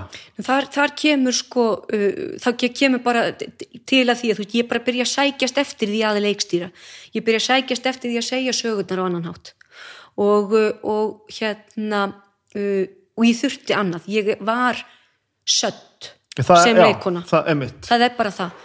Og, og, og, og, og, og, og það, það, það þýðir alls ekki það að ég ætli aldrei aftur að leika það kemur bara aftur Já. þegar, þegar uh, ég hef rétt þetta kefli áfram um, uh, og, og, og mér langar mjög mikið til að leikstýra og það stóð til en vegna bara vegna þessa stóra verkefnið breyttist doldið með tilkomu heimsfaraldus -hmm. þá, þá, þá er þú veist ekkert andlegt ráðrúm uh, já, stóð til að myndir leikstýra eftir þú tókst við já, já, og, þa það, og já, Já, það er alveg hérna, og leikústjórarnir gera það Já, og já. hafa í gegnum tíðina gert það. Og það er náttúrulega líka, skiptur alveg opaslega miklu máli fyrir leikhús að, að sá sem stýrir sé aktífur já, listamæður það er helviti mikilvægt. Það, það, það skiptir alveg opaslega miklu máli. Ég meina, svo, svo er bara hérna og það er engin að þessu einn. Það er bara, það, það er stórt teimi sem stýrir e, leikhúsi og, og, og, og verkefnum er e, delegerað. Þannig að hérna þú ert ekki bæði þú ert ekki alltaf í, í bæði listrænu vali og einhverju Excel-skjali. Þetta, þetta, þetta deilist á fólk. Og, og, og til þess að bara sem listrætt stjórnandi þú haldir orkunni og, og munir alltaf af hverju erum við mætt í vinnuna af hverju erum við að gera það sem við erum að gera. Þá, þá skiptir það máli að, að, að hérna, halda þessu að halda í það að, að leikstjóra fyrir mína parta minnstakosti og ég hef líka séð bara þegar leikustjórar gera það og, og nærast vel af því. Mm -hmm. og það er bara fallegt að sjá og, og mikilvægt. Já, absolutt sko. mm, en en, uh, það, en, en en það er annar handlegur að ég myndi ekki leika samhliða. Nei, það, vegna, í fyrsta lagi vegna þess að það er bara hérna ég hef öðrum nöppum að neppa og það er bara urmull af, af stórkostlegum listamönnum sem að gera það. Mm. Mér finnst öðruvísi að, að stjórnandi taki hlutverk en að stýra listamönnum. Já. Það er hérna, ég, ég bara lít einhvern veginn á það þannig og, og, og, og þetta, þetta, það má bara býða. Taktum við nú í gegnum frá því að þú veist það opnast einhvern veginn fyrir þetta að sækjum þetta djók. Mm -hmm. Þú varst búin að sækjum í þjóðleikusinu, eða ekki? Já, þetta er, þetta er á sama, er á sama ég, tíma sem þetta einhvern veginn svona bara... Er með að misminna, var þetta ekki eitthvað bara svona, eitthvað svona, eitthvað svona bara kæftasæð sem allir bara, ég held að alltaf sækjum hennar. Að, me, me, ég, ég var alveg mjög opinská með það þegar, ég, þegar hérna og, og líka þú veist umsóknarferli til ennbættis þjóðlíkustjóra er, er algjörlega opið. Já. þannig að það er alveg bara lagt upp þetta, þetta eru einstaklingarnir sem er að sækja um og svo framvegis. E, ég gerði það og þetta var sex mánuðu umsóknarferli og sem að, sem að hérna e, tók alveg á og, og, og kendi mann alveg óskaplega mikið. Og fyrir það er ég bara mjög þakklátt en svona lenda hlutinir og, og, og, og mér býðist þetta starf sem ég þái og hérna e, og ég, ég þekk þarna e, e, starf 14. februar er ég tilkynnt inn 24. februar er ég tekin við og 13. mass eru við búin að loka vegna heimsfaraldus og hvað tekur þá við? alls konar sko um ég held að, ég held að við öll og, og, og, og kannski er það heitla vænilegt að, að, að hafa, hafa verið bara í litlu landi þar sem að, sem flestir skilja uh, hvort annan. Og við sem samfélag við erum í alvörun að takast á við þannig að heimsfaraldur saman. Ég, sko það, það, það er uh, hugsaðir, þannig bara mæta allir í bólusetningu að því að þeim er sagt að gera það. Það setja allir á sig gríma að því að þeim er sagt að gera það. Við erum allt öðruvísi samfélag allt öðruvísi land en önnur land og, og, og, og bara þessi tengsl og að, að geta verið í ríkum tengslum við sambærilegar stopnanir og að hafa greiðan aðgang inn í ráðuneytin og að, að, að geta bara e, að við erum alltaf að starfa saman í áttina að því að, að, að gera hlutina bærilegri og betri og að vera í takt og að býða eftir því að allt opnist og um, þetta var bara alveg rísastórt verkefni sem tók þarna við um, og, og, og enginn hafði reynslu af því og allra síst ég e, eftir, e, eftir þrjár vikur í starfi og ég menna það var alveg alls konar sem að gekka á, ég menna þú veist þetta er líka það er alls konar hérna valdatabl og, og svona á hinsegin og einhverjum finnst maður að gera svona og öðrum finnst maður að gera hinsegin en við erum bara að stýra áfram og, og við erum með frábært teimi innan borgarleikusins og við bara þjöppuðum okkur saman og, og gerðum þetta í sammenningu nú svo lokum við og fyrir batteri eins og okkar og þetta hérna, ég er nú búin að segja þetta á, á, á öðrum vettvangi áður og annar staðar. Eh, en borgarleikusið er þetta er sjálfsegnastofnun við erum ekki uh, borgarstarfsmenn. Og, og fólki sem starfar innan vekja borgarleikusins, ég er ekki, ég er ekki borgarstasmaður Nei, og við erum ekki full fjármögnuð listastofnun.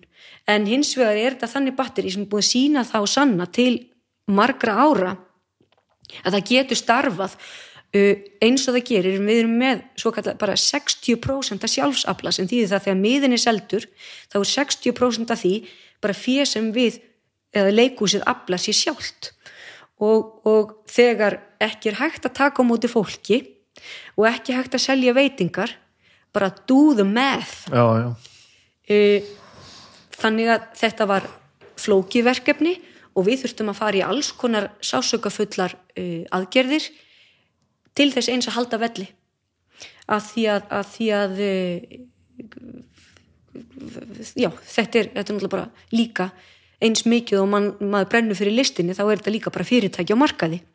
Og e, e, leikvila Reykjavíkur sem sagt er bara rekstrar aðili borgarleikusins og við erum á sérstökum rekstrar samningi hjá Reykjavíkuborg og þau tryggja okkar starfsgrundvöll í, bara í venjulegu árferði en svo bara tók við alls ekki venjulegt árferði. Og, og það er bara hefur verið mjög sásöka var, bara sásöka fullt fyrir okkur að, að þurfa að taka bara íta verkefnum og undan okkur taka út af dagskráni einfaldlega vegna þess að við höfum ekki burði í það að, að framleiða allt sem okkur langaði til að framleiða. En þetta er allt saman gert til þess að leikúsið haldi velli og á næsta ári og þar næsta og þar þar næsta og þar fram eftir gödunum verði áfram bara blómlegt og starfandi uh, kraftmikið leikús, bara þessi menningar miðja í Reykjavíkuborg og, og, og ég meina uh, það er alveg tæpur helmingur af okkar gestum er fólk af landsbyðinni þannig að við erum, þó við heitum borgarleikúsið og erum sannlega stolt borgarleikús þá erum við líka bara leikús allra landsmanna og, og hérna við erum bara ótrúlega stolt að því þegar okkur lánast að búa til uh, verkefni eins og nýju líf sem að dregur að þorra manna, bara alþýðu manna sem kannski hafi ekkert komið í leikhús í 15 ár en fatta allt í hennu hvað þetta er mm -hmm. það finnst mér vera svona e, stóru sigrar e, okkar í gegnum þetta. Við erum með nýju líf, við erum með veistlu og þarna náum við inn fólki sem kannski ánýtjast og vill koma og sjá meira. Og um, já, þetta, þetta, þetta COVID verkefni það það var bara alveg rosalega skríti verkefni og, og ég held ég hafi sagt það einhver staðar áður líka að, að það kemur ábyggilega svona áfallastreitur öskun svona eftir svona tíu ár. Já, já. Þá var maður eftir að sitja og hugsa hvað í óskopunum gerðist þarna? Djöfull var þetta fokkt upp allt saman. Nei, ertu ekki að grínast? Og þetta er bara stundum líðumanni eins og maður sé bara að, fara sko með ostaskera á sjálfan sig. Það búið ytta framan af öllum taugaendum og maður er bara eins og andlegt ígulkér bara í bara, hvað kemur nú? Um, en, en eitthvað sem að var bara eins og glóandi nöttur í höndunum á manni fyrir átján mánuðum er það ekki lengur? Nei. og eitthvað sem var óyfirstíganlegt verkefni þá er bara uh, verkefni sem er bara leist og svo höldum við áfram. En ef við erum aðeins persónulegir í þessu var þetta ekki fokking óþólandi Jú, jú, það var algjörlega Nýtækin við, þetta er geðveikt jobb og þetta gera ógeðslega margt fullt af mannskap, verkefna að fara í gang Mhm. svo bara velkomin, herruðu, nú byrjum við á þessu og bara, herruðu, fokkaðu þér alveg og taktu hérna þetta í fangi og gerðu það sem getur mögulega gert við þetta Jú, og Varst er, ekkert bara pyrruð? nei, sko, sko málið er bara ef að þetta snýrist á einhvern hátt um mig þá myndi ég vera alveg brjáluð Nú ert að um, ert að tala um skynsemi og, og, og, og, rök sko. Já, en ég er skinnsemi skilningur og hæveska og bara enga tilfinningar. Jó, ég meina auðvitað, sko, auðvitað var þetta hérna erfitt verkefni en þegar bara svona mikill sláttur er og verkefnið er svona stórt Já, já, þá bara sem betur fyrir þá hefur maður ekki tíma til að hafa Nei. áhyggjur. Uh, það sem að, það sem að veldur manni mestum áhyggjum og, og það sem er svona mest pyrrandi innan gæsalappa við svona starf, það er bara áreiti svona lítið áreiti. Þessi vill þetta og hinn vill hitt og eitthvað bara sem að í alvörunni skiptir engu máli. Uh, og, og það, það er bara erfitt fólk það bara er sem bara að- leðilegast en Já, það já. er bara sam og allstaðar Já, það er Ég- bara stjórna fyrirtæki, bara Já, ég blessaði vertu og þú veist og, bara gestir, starfsfólk, einhver. Bara þetta er bara nákvæmlega eins og þegar maður var að afgreiða í Liverpool hjá mömmu í gamla daga. Þú veist, einhver kom og, og, og keifti eitthvað drasl og brauta á leiðin út og kom svo inn og kvartaði, ég meina hvað á ég að gera? Þú veist, bara tala við viðkomandi og við finnum bara út úr því og, og, og hérna, og þá þarf maður bara vera ég bara skynsemi og skilningur. Og þetta er aldrei fyndið það því að skynsemi, skilningur og hæverska þetta eru, þetta eru hérna uh, þetta eru kjörorðin í, að kjörorð, þetta eru leiðastefið í, í brák. Já, ok. Írska ambáttin sem að var bara, þú veist flutt í skipi til Íslands uh, uh, drepin af húsbónda sínum en kaus að gefa lífsitt fyrir litla drengin, ó, litla óþólandi drengin sem að hún bara ákvaða fóstra og, og, og fóstra vel. Um, kannski eitthvað sambærilegt nema náttúrulega bara brák dó. Ég ég ætla ekki að drepast alveg strax. Hérna um, hvað ég að segja? Manns, manns tilfinningar þá, þá bara fer maður hérna í sjósund. Já, og, og, og syngur hátt út í sjó og reynir að valda sjálfum sér svona pínu líkamlegum óþægindum til að, til að yfirstíga tilfinningalegu óþægindin en þeir eru ekki dótt í hug bara að reyna að stiga bara eitthvað út úr þessu? Hvað sem að væri bara hennilega bara ég vil ekki segja upp eða fá einhvern annan inn í að bara græja þetta með hana, að þetta er, þú veist er þetta þitt jobb, skilur bara, já, það varð það Já. og það er ekkit í bóði að hætta. Næ, ok. En, en hérna, þetta er líka gríðarlega bara þroskandi verkefni og, og hérna kannski er þetta líka bara eins og starffræðin kannski er þetta eins og hún að, að fara í munlegt starffræðipróf er bara bæði sásökafullt og hundleðilegt en ég, ég við förum bara í gegnum það. Og, og við gerum það bara í, í sammenningu og svo bara fer maður heim til sín og, og, og, og setur í bara gott freyðibað og, og hlustar á Living on the Edge og, eh, með, með Stephen sínum. Em, fær sér eitt gott glas af Pinot Noir bara eitt. Eh, drekkur góðan kaffibóll á mótnana og kissir hann á lottu og trínið af því að það er bara dásamlegt og, og leiðir eh, hérna heldur í heitu höndinans heimis. Og, og, og, og svo bara díla með það sem er leiðilegt. Mhm. Nei það er ekkert í bóði að hætta Nei. og hvað mm -hmm. þetta er eitthvað annars ég betur settur með verkefni í fanginu Nei. nei, Ertu orðin borgarleikustjóri núna? Líður eins og sett tekin við jobbi sem að er það sem á kannski varst á leiðin að fara að Já, gera? það held, þetta heitir víst sko leikustjóri borgarleikusins eða leikustjóri leikulegs Reykjavíkur þetta, eða Já. bor, borgarleikustjóri, það er bara flott ég meina verður það verður maður að vera í takti tíman þetta, þú veit, það veit enginn, það veit aldrei neitt hvað að segja uh, Jú, mér líður núna eins og ég sé orðin leikustjóri húsið er opið. Já. við erum hætt að þurfa að hólfa skipta frammi, það er vissulega ennþá þessi grímuskylda en það hlýtur nú að fara að detta niður. Það meikar engan sens að þurfa ekki að vera með grímu og trínunni í kringlunni en þurfa að setja sig þegar maður kemur inn í borgarleikus uh, hérna en, en, en þetta, þetta er allt búið að ganga vel og, og, og við bara hérna unum því og, og það, það bara það skríti til dæmis að koma frá, frá Danmörku sem er bara svona inn að gæsa bara COVID-laust land, það er bara engin að pæla í neinu, sitja í 1500 manna sal og horfa á leikrit og koma svo heim og setja á sig leikrit í 100 manna sal, nei, setja á sig grímu í, í 100 manna sal. Um, þetta er allt hérna þetta er allt sérkynlegt en, en við, við það búið að halda ótrúlega vel utanum og það búið að ganga ótrúlega vel. Og við erum nánast full bólusett þjóð þannig að hérna ég trú ekki öðru en að, en að við, við bara séum, bara siglum núna bara tiltölulega lignan sjó.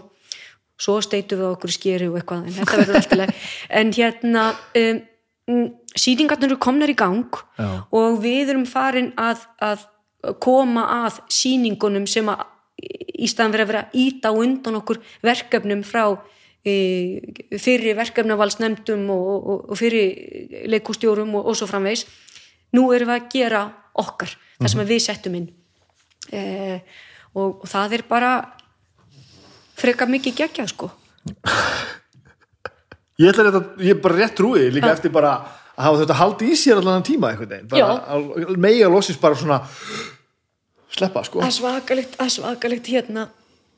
Já það kemur rosalegt andrými og, og gleði og stuð og jú, jú, það er alveg búið dansinn og Kristof og bara ta taka svona smá spór og, og segja yes og, og, og, og gefa fimmu og stö- stökkva fram og, veri, veri stuði sko Hva, hva, hvað ætlar þú svo að gera sem leikustjóri? Hva, hva, hvernig, hva, hva- hvernig sérðu þetta? Sko, nú, nú bara uh, ég kom nú með hérna þetta fallega kynningaritt Bara- og, og í fyrsta lagi þá erum við bara alltaf að reyna stíga nýskref og vera fersk og bara uh, forsíðan þarna Þessi? uh, nei, Þessi, utan, já, utan á- bara þessi, já. já.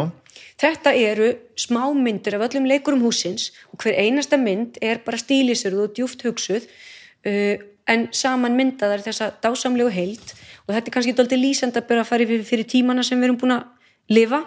Allir búin að vera svolítið einir og í svolítið í sínu en saman eru við algjörlega ósegrandi og uh, í leiðarstef leikásins núna, það breytist í, í beðförum bara núna í ágúst þegar, þegar ljóst var að þessi blessaða fjórða bylgja var þarna skollin á og við þurftum að, að taka verkefni út af árinu og íta undan okkur fram á næsta leikár.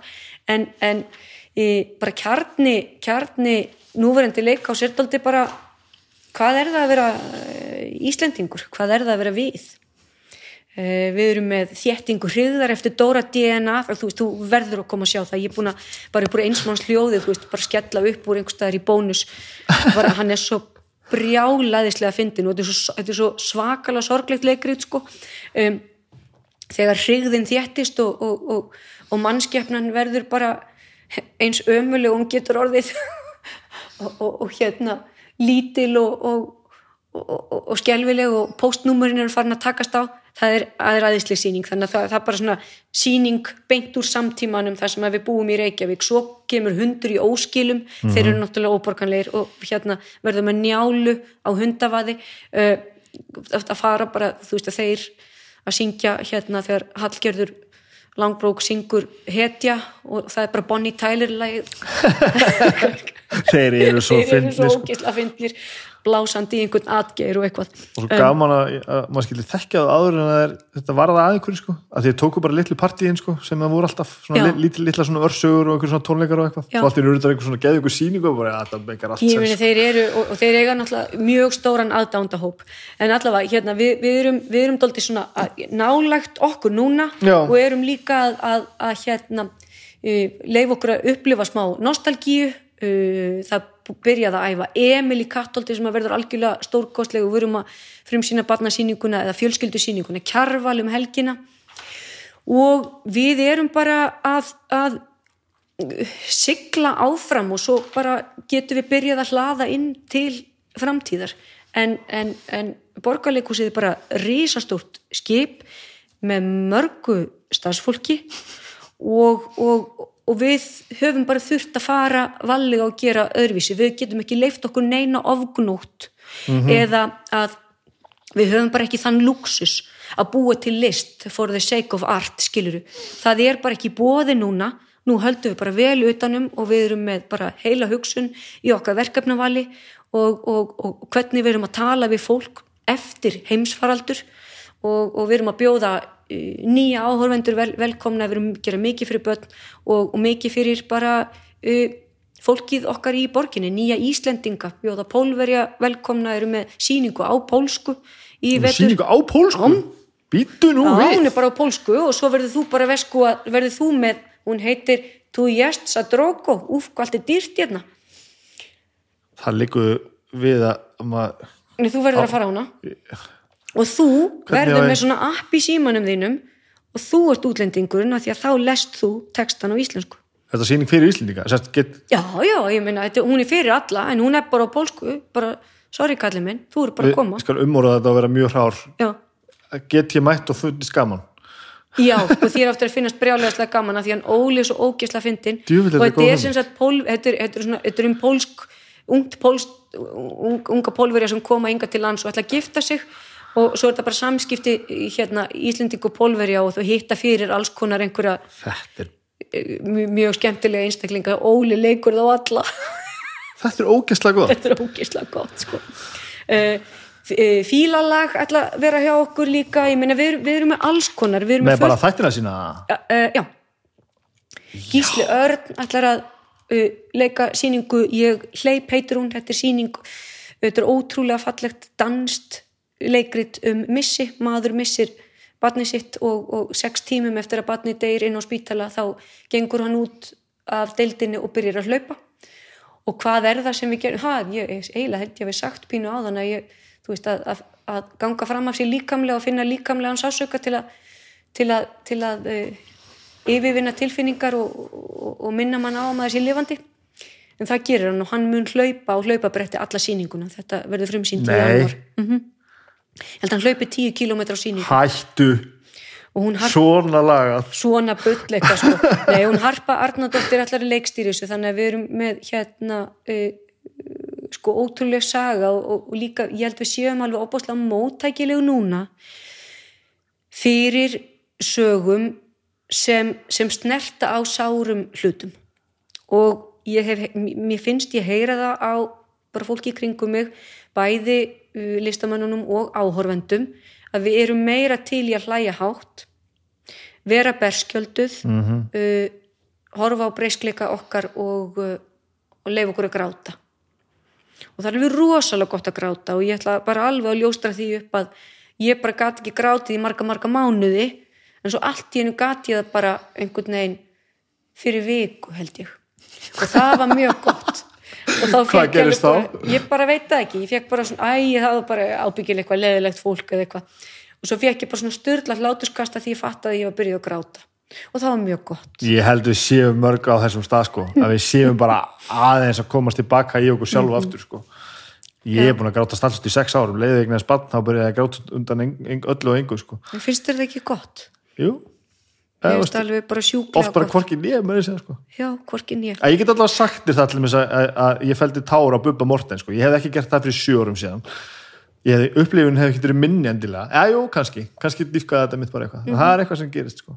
Já, mér finnst mjög áhugavert og segir að að þetta sé ég, þú notar ekki þessi orð en pínu safe já, dasgrá, Já, já. það er pínu bara verið að gera það sem þarf að gera til þess að þetta gangi upp og setja byggjundur að halda svo áfram? Sko innan, innan náttúrulega alveg skekkjumarkana eða þú veist, innan, innan gæsalappana við erum með ný íslensk verk sem er líka rosalega ára, bara það er alltaf áræðinni sem að, bara fylgi því að koma með ný íslensk handrit uh, uh, leikrit að því að það er ekkit safe bet í því en að samaskapi við erum með okkar dásamlegu nýju líf við erum með veistlu Gósi er aðna, Emil já, já. nei, ég meina hver allar ekki að sjá Emil?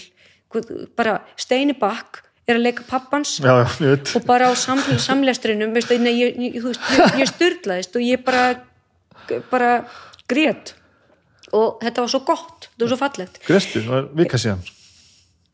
Já, það var kannski, það var kannski þar sem það opnaðist allt saman. Við föttuðum bara, þetta er að fara að gerast. Já. og Alfred vinnumæður mun skera sig í puttan og hann mun fá blóðveitur Já. og Emil mun bjargunum fara á sleðanum. Mhm. á bjargunum. Ó já, já, það breytist vonandi ekki þó að við séum að setja upp hér. Það þarf að bjargunum, það þarf að en bjargunum það þarf að standa djöfultæft það mun gera það. Leikus er svo skrítið sko. En, en, en sko, það er ekkert aðna sem er eitthvað bara svona þú veist, listræna sprengjan sem, a, sem að mun tæma hérna buttuna hún, hún kemur segna þú veist hvað ég meina. Já, ákvörðun sem Já. allir þurfa að telja sjálfum sér trúum að hafi verið í lægi Já, já, og hérna- sem, við, við náðum mörgu í gegn þarna.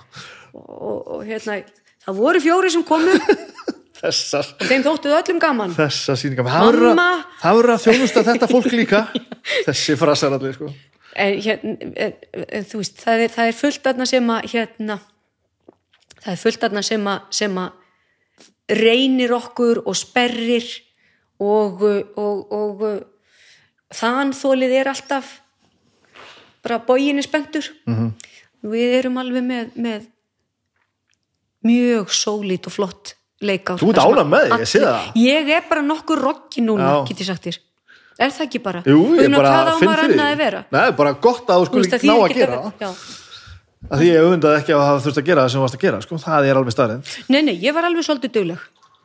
Og hérna ég var alveg svolítið dugleg og, og, og, og, og, og hérna já, já þarf alveg að lita á mér hárið og, og allt eftir þetta. En, en og tek ábyggil upp á því bara auknum mæli bráðum Hvað svo þegar veist, þú veist, nú ætlar að vantar að sigla inn í hennan þetta verkefni og vera Jeps. leikustjóri á fullu. Já, finnur þú fyrir því að sé eitthvað sem að þú þarft að, ennþá að klára og tikka við setna á æfinni Uh, já, hvað hva gerist næst Já, hvað gerist næst? Uh, sko, þetta er bara svo stórt verkefni að nú er ég búin að vera leikustjóri í COVID og nú ætlum ég að vera leikustjóri ekki í heimsfaraldri. Mhm.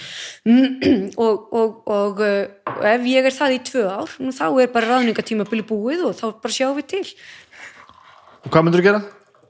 Hmm. hvað myndur þú gera? ég, það, þú veist, það, er ekki, það, er ekki, það er ekki komið í ljós en nú ætlum við bara, nú róum við öllum árum að því að búa til frábært og flott leikhús sem að, sem að uh, bara fólk hefur áhuga á og gaman af og við, uh, ætlum, er, við erum sko ótrúlega stolt af þessu leikár erum byrjuð að hlaða inn á þar næsta leikár einhverju skemmtilegu og uh, það, það, það verður eitthvað. En eins og ég segi, eins og ég sagði áðan uh, mig langar til að leikstýra -hmm. og það verður, það kemur ábyggil á einhverjum bara hérna einhverjum góðum tímapunkti þegar, þegar eh, bara virkilega aðstæður leifa sérðu fyrir þér og myndir einhvern tímann stíga alveg út úr leikusinu fara að gera eitthvað allt, allt annað?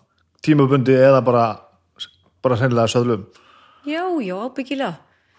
Uh, en hvað það væri, ég veit ekki alveg Ertu svona senuð í alvörinni? Ertu bara hérna svona bara já þetta er, bara hoppaður bara til fljótið og bara, er best að gera bara þetta núna. Og svo bara, Þetta hefur bara alltaf verið svoleiðis, lífið er bara stórfljót og, og, hérna stundum líður mann eins og maður sé bara eitthvað sprek í bara Amazon fljótinu og ég meina og, og, og maður veit ekkert hvað er að fara að gerast næst. Um, en maður þarf bara að mæta hlutunum eins og þeir koma til manns og ég hef bara alltaf gert það og ég meina auðvitað verður maður stundur og bara pyrraður og leiður og allt það. En, en þá bara snýr maður sér að, að, að þú veist, hlýju höndunum og fallegu augunum sem að eru næstmanni og þá er bara allt í lagi. Mjög, mjög gott. Þetta var ógæðslega gaman. Ég er búin með kaffið mitt. Já, það er meira til, það okkur líkur ekki á en ég ætla að bara við sjáum bara í leikhusunum bara mjög fljóðlega sko. verður velkomin og kontur sem oftast. Eh, þú lætur mig vita hvað þú vilt koma og sjá. Jáp, ég ger það. Takk alveg rosalega mikið fyrir mig. Það er mjög gott að sitja einn og horfa út á sjó takk fyrir að tala um mig.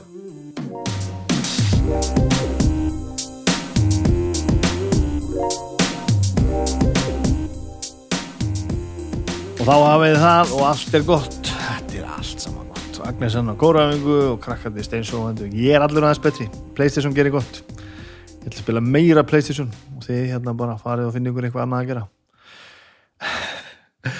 Uh, já, ég hlakka til að sjá ykkur í kvöld. Ykkur sem er með á hljókirkju uh, kvöldið á Húrra svo hlakka ég til að sjá ykkur öll hinn hinnum er á landinu á græna hattinum. Það er först á lögadag, það verður ógeðslega mikið gaman, þannig að það er margt skemmtilegt að gerast. Svo bara byrja ykkur um að hlusta á hljókirkjuna sem mest í megið, því það er líka gaman. Agnes uh, orðin fastur uh, stjórnandi í, dómstegi sem er vel, það er góð dýnamik þar. Þið fóðu þá að kynast meira á henni. Ég er nú bara að tala nú anskotum mikið um hana hérna. Það er mjög gott að fleiri fóðu að kynast í hvað hún er ógeðslega skemmtileg að tekja á dómstegi á mánundum já, ekkert endilega á mánundum, við getum að hlusta bara á þess að 150 þætti sem eru til, bara aftur í tíman þeir eru ekkert bara til á internetunum mánundum þeir eru bara til alla daga. Hvað meira? Já, drauga fórstíðar slaka ekki á, á miðugudugurum þó að það sé live kvöld á 50 degi núna, þannig að það var eitthvað frábært í draugurum í ger, ég, ég, hérna, finn, ég er uthæðum, ég finni það, ég veit ekkert, ég ekkert, veit ekkert hvað er draugurum og það sem meira er, ég veit ekkert hvað besta platan að bjóða upp á sem er náttúrulega afleitt af því ég er yfirleitt mjög vel að mér þar. Ég hef ekki hugmyndu hvað er alltaf að tala um núna á morgun. Ég veit eins og það er tölum slipnótt til síðustu viku það var mjög skemmtilegt þannig að guðanabæni var aðtöðið með það. Eh, saman með listamenn ég veit ekkert hvað er næst en ég veit að síðasti þáttu var líka stórkostlegur þá tölur um tölvuleiki það sem hendaði mjög sérlega vel. En ég ætla að hætta þessu töði ég ætla að þakka Símonum Pei fyrir að standa í þessu með mér hér enn og aftur og mikið óskaplega er ég gladur að ámnám skuli vera komið í þetta með mér. Þetta smetlur allt eins og flýs fyrir ass. Þetta bara stakkar og dafnar og batnar og, og bætist. Ég ég var svolítið slóið þegar ég byrjaði að tala. Ég er miklu betri núna, nú ætlum ég bara að slökka á ykkur. Ég ætla að pakka þetta niður, ég ætla að spila töluleiki fram á nótt. Það er það sem við ætlum að gera. Hafið það gott að góð til næst, bye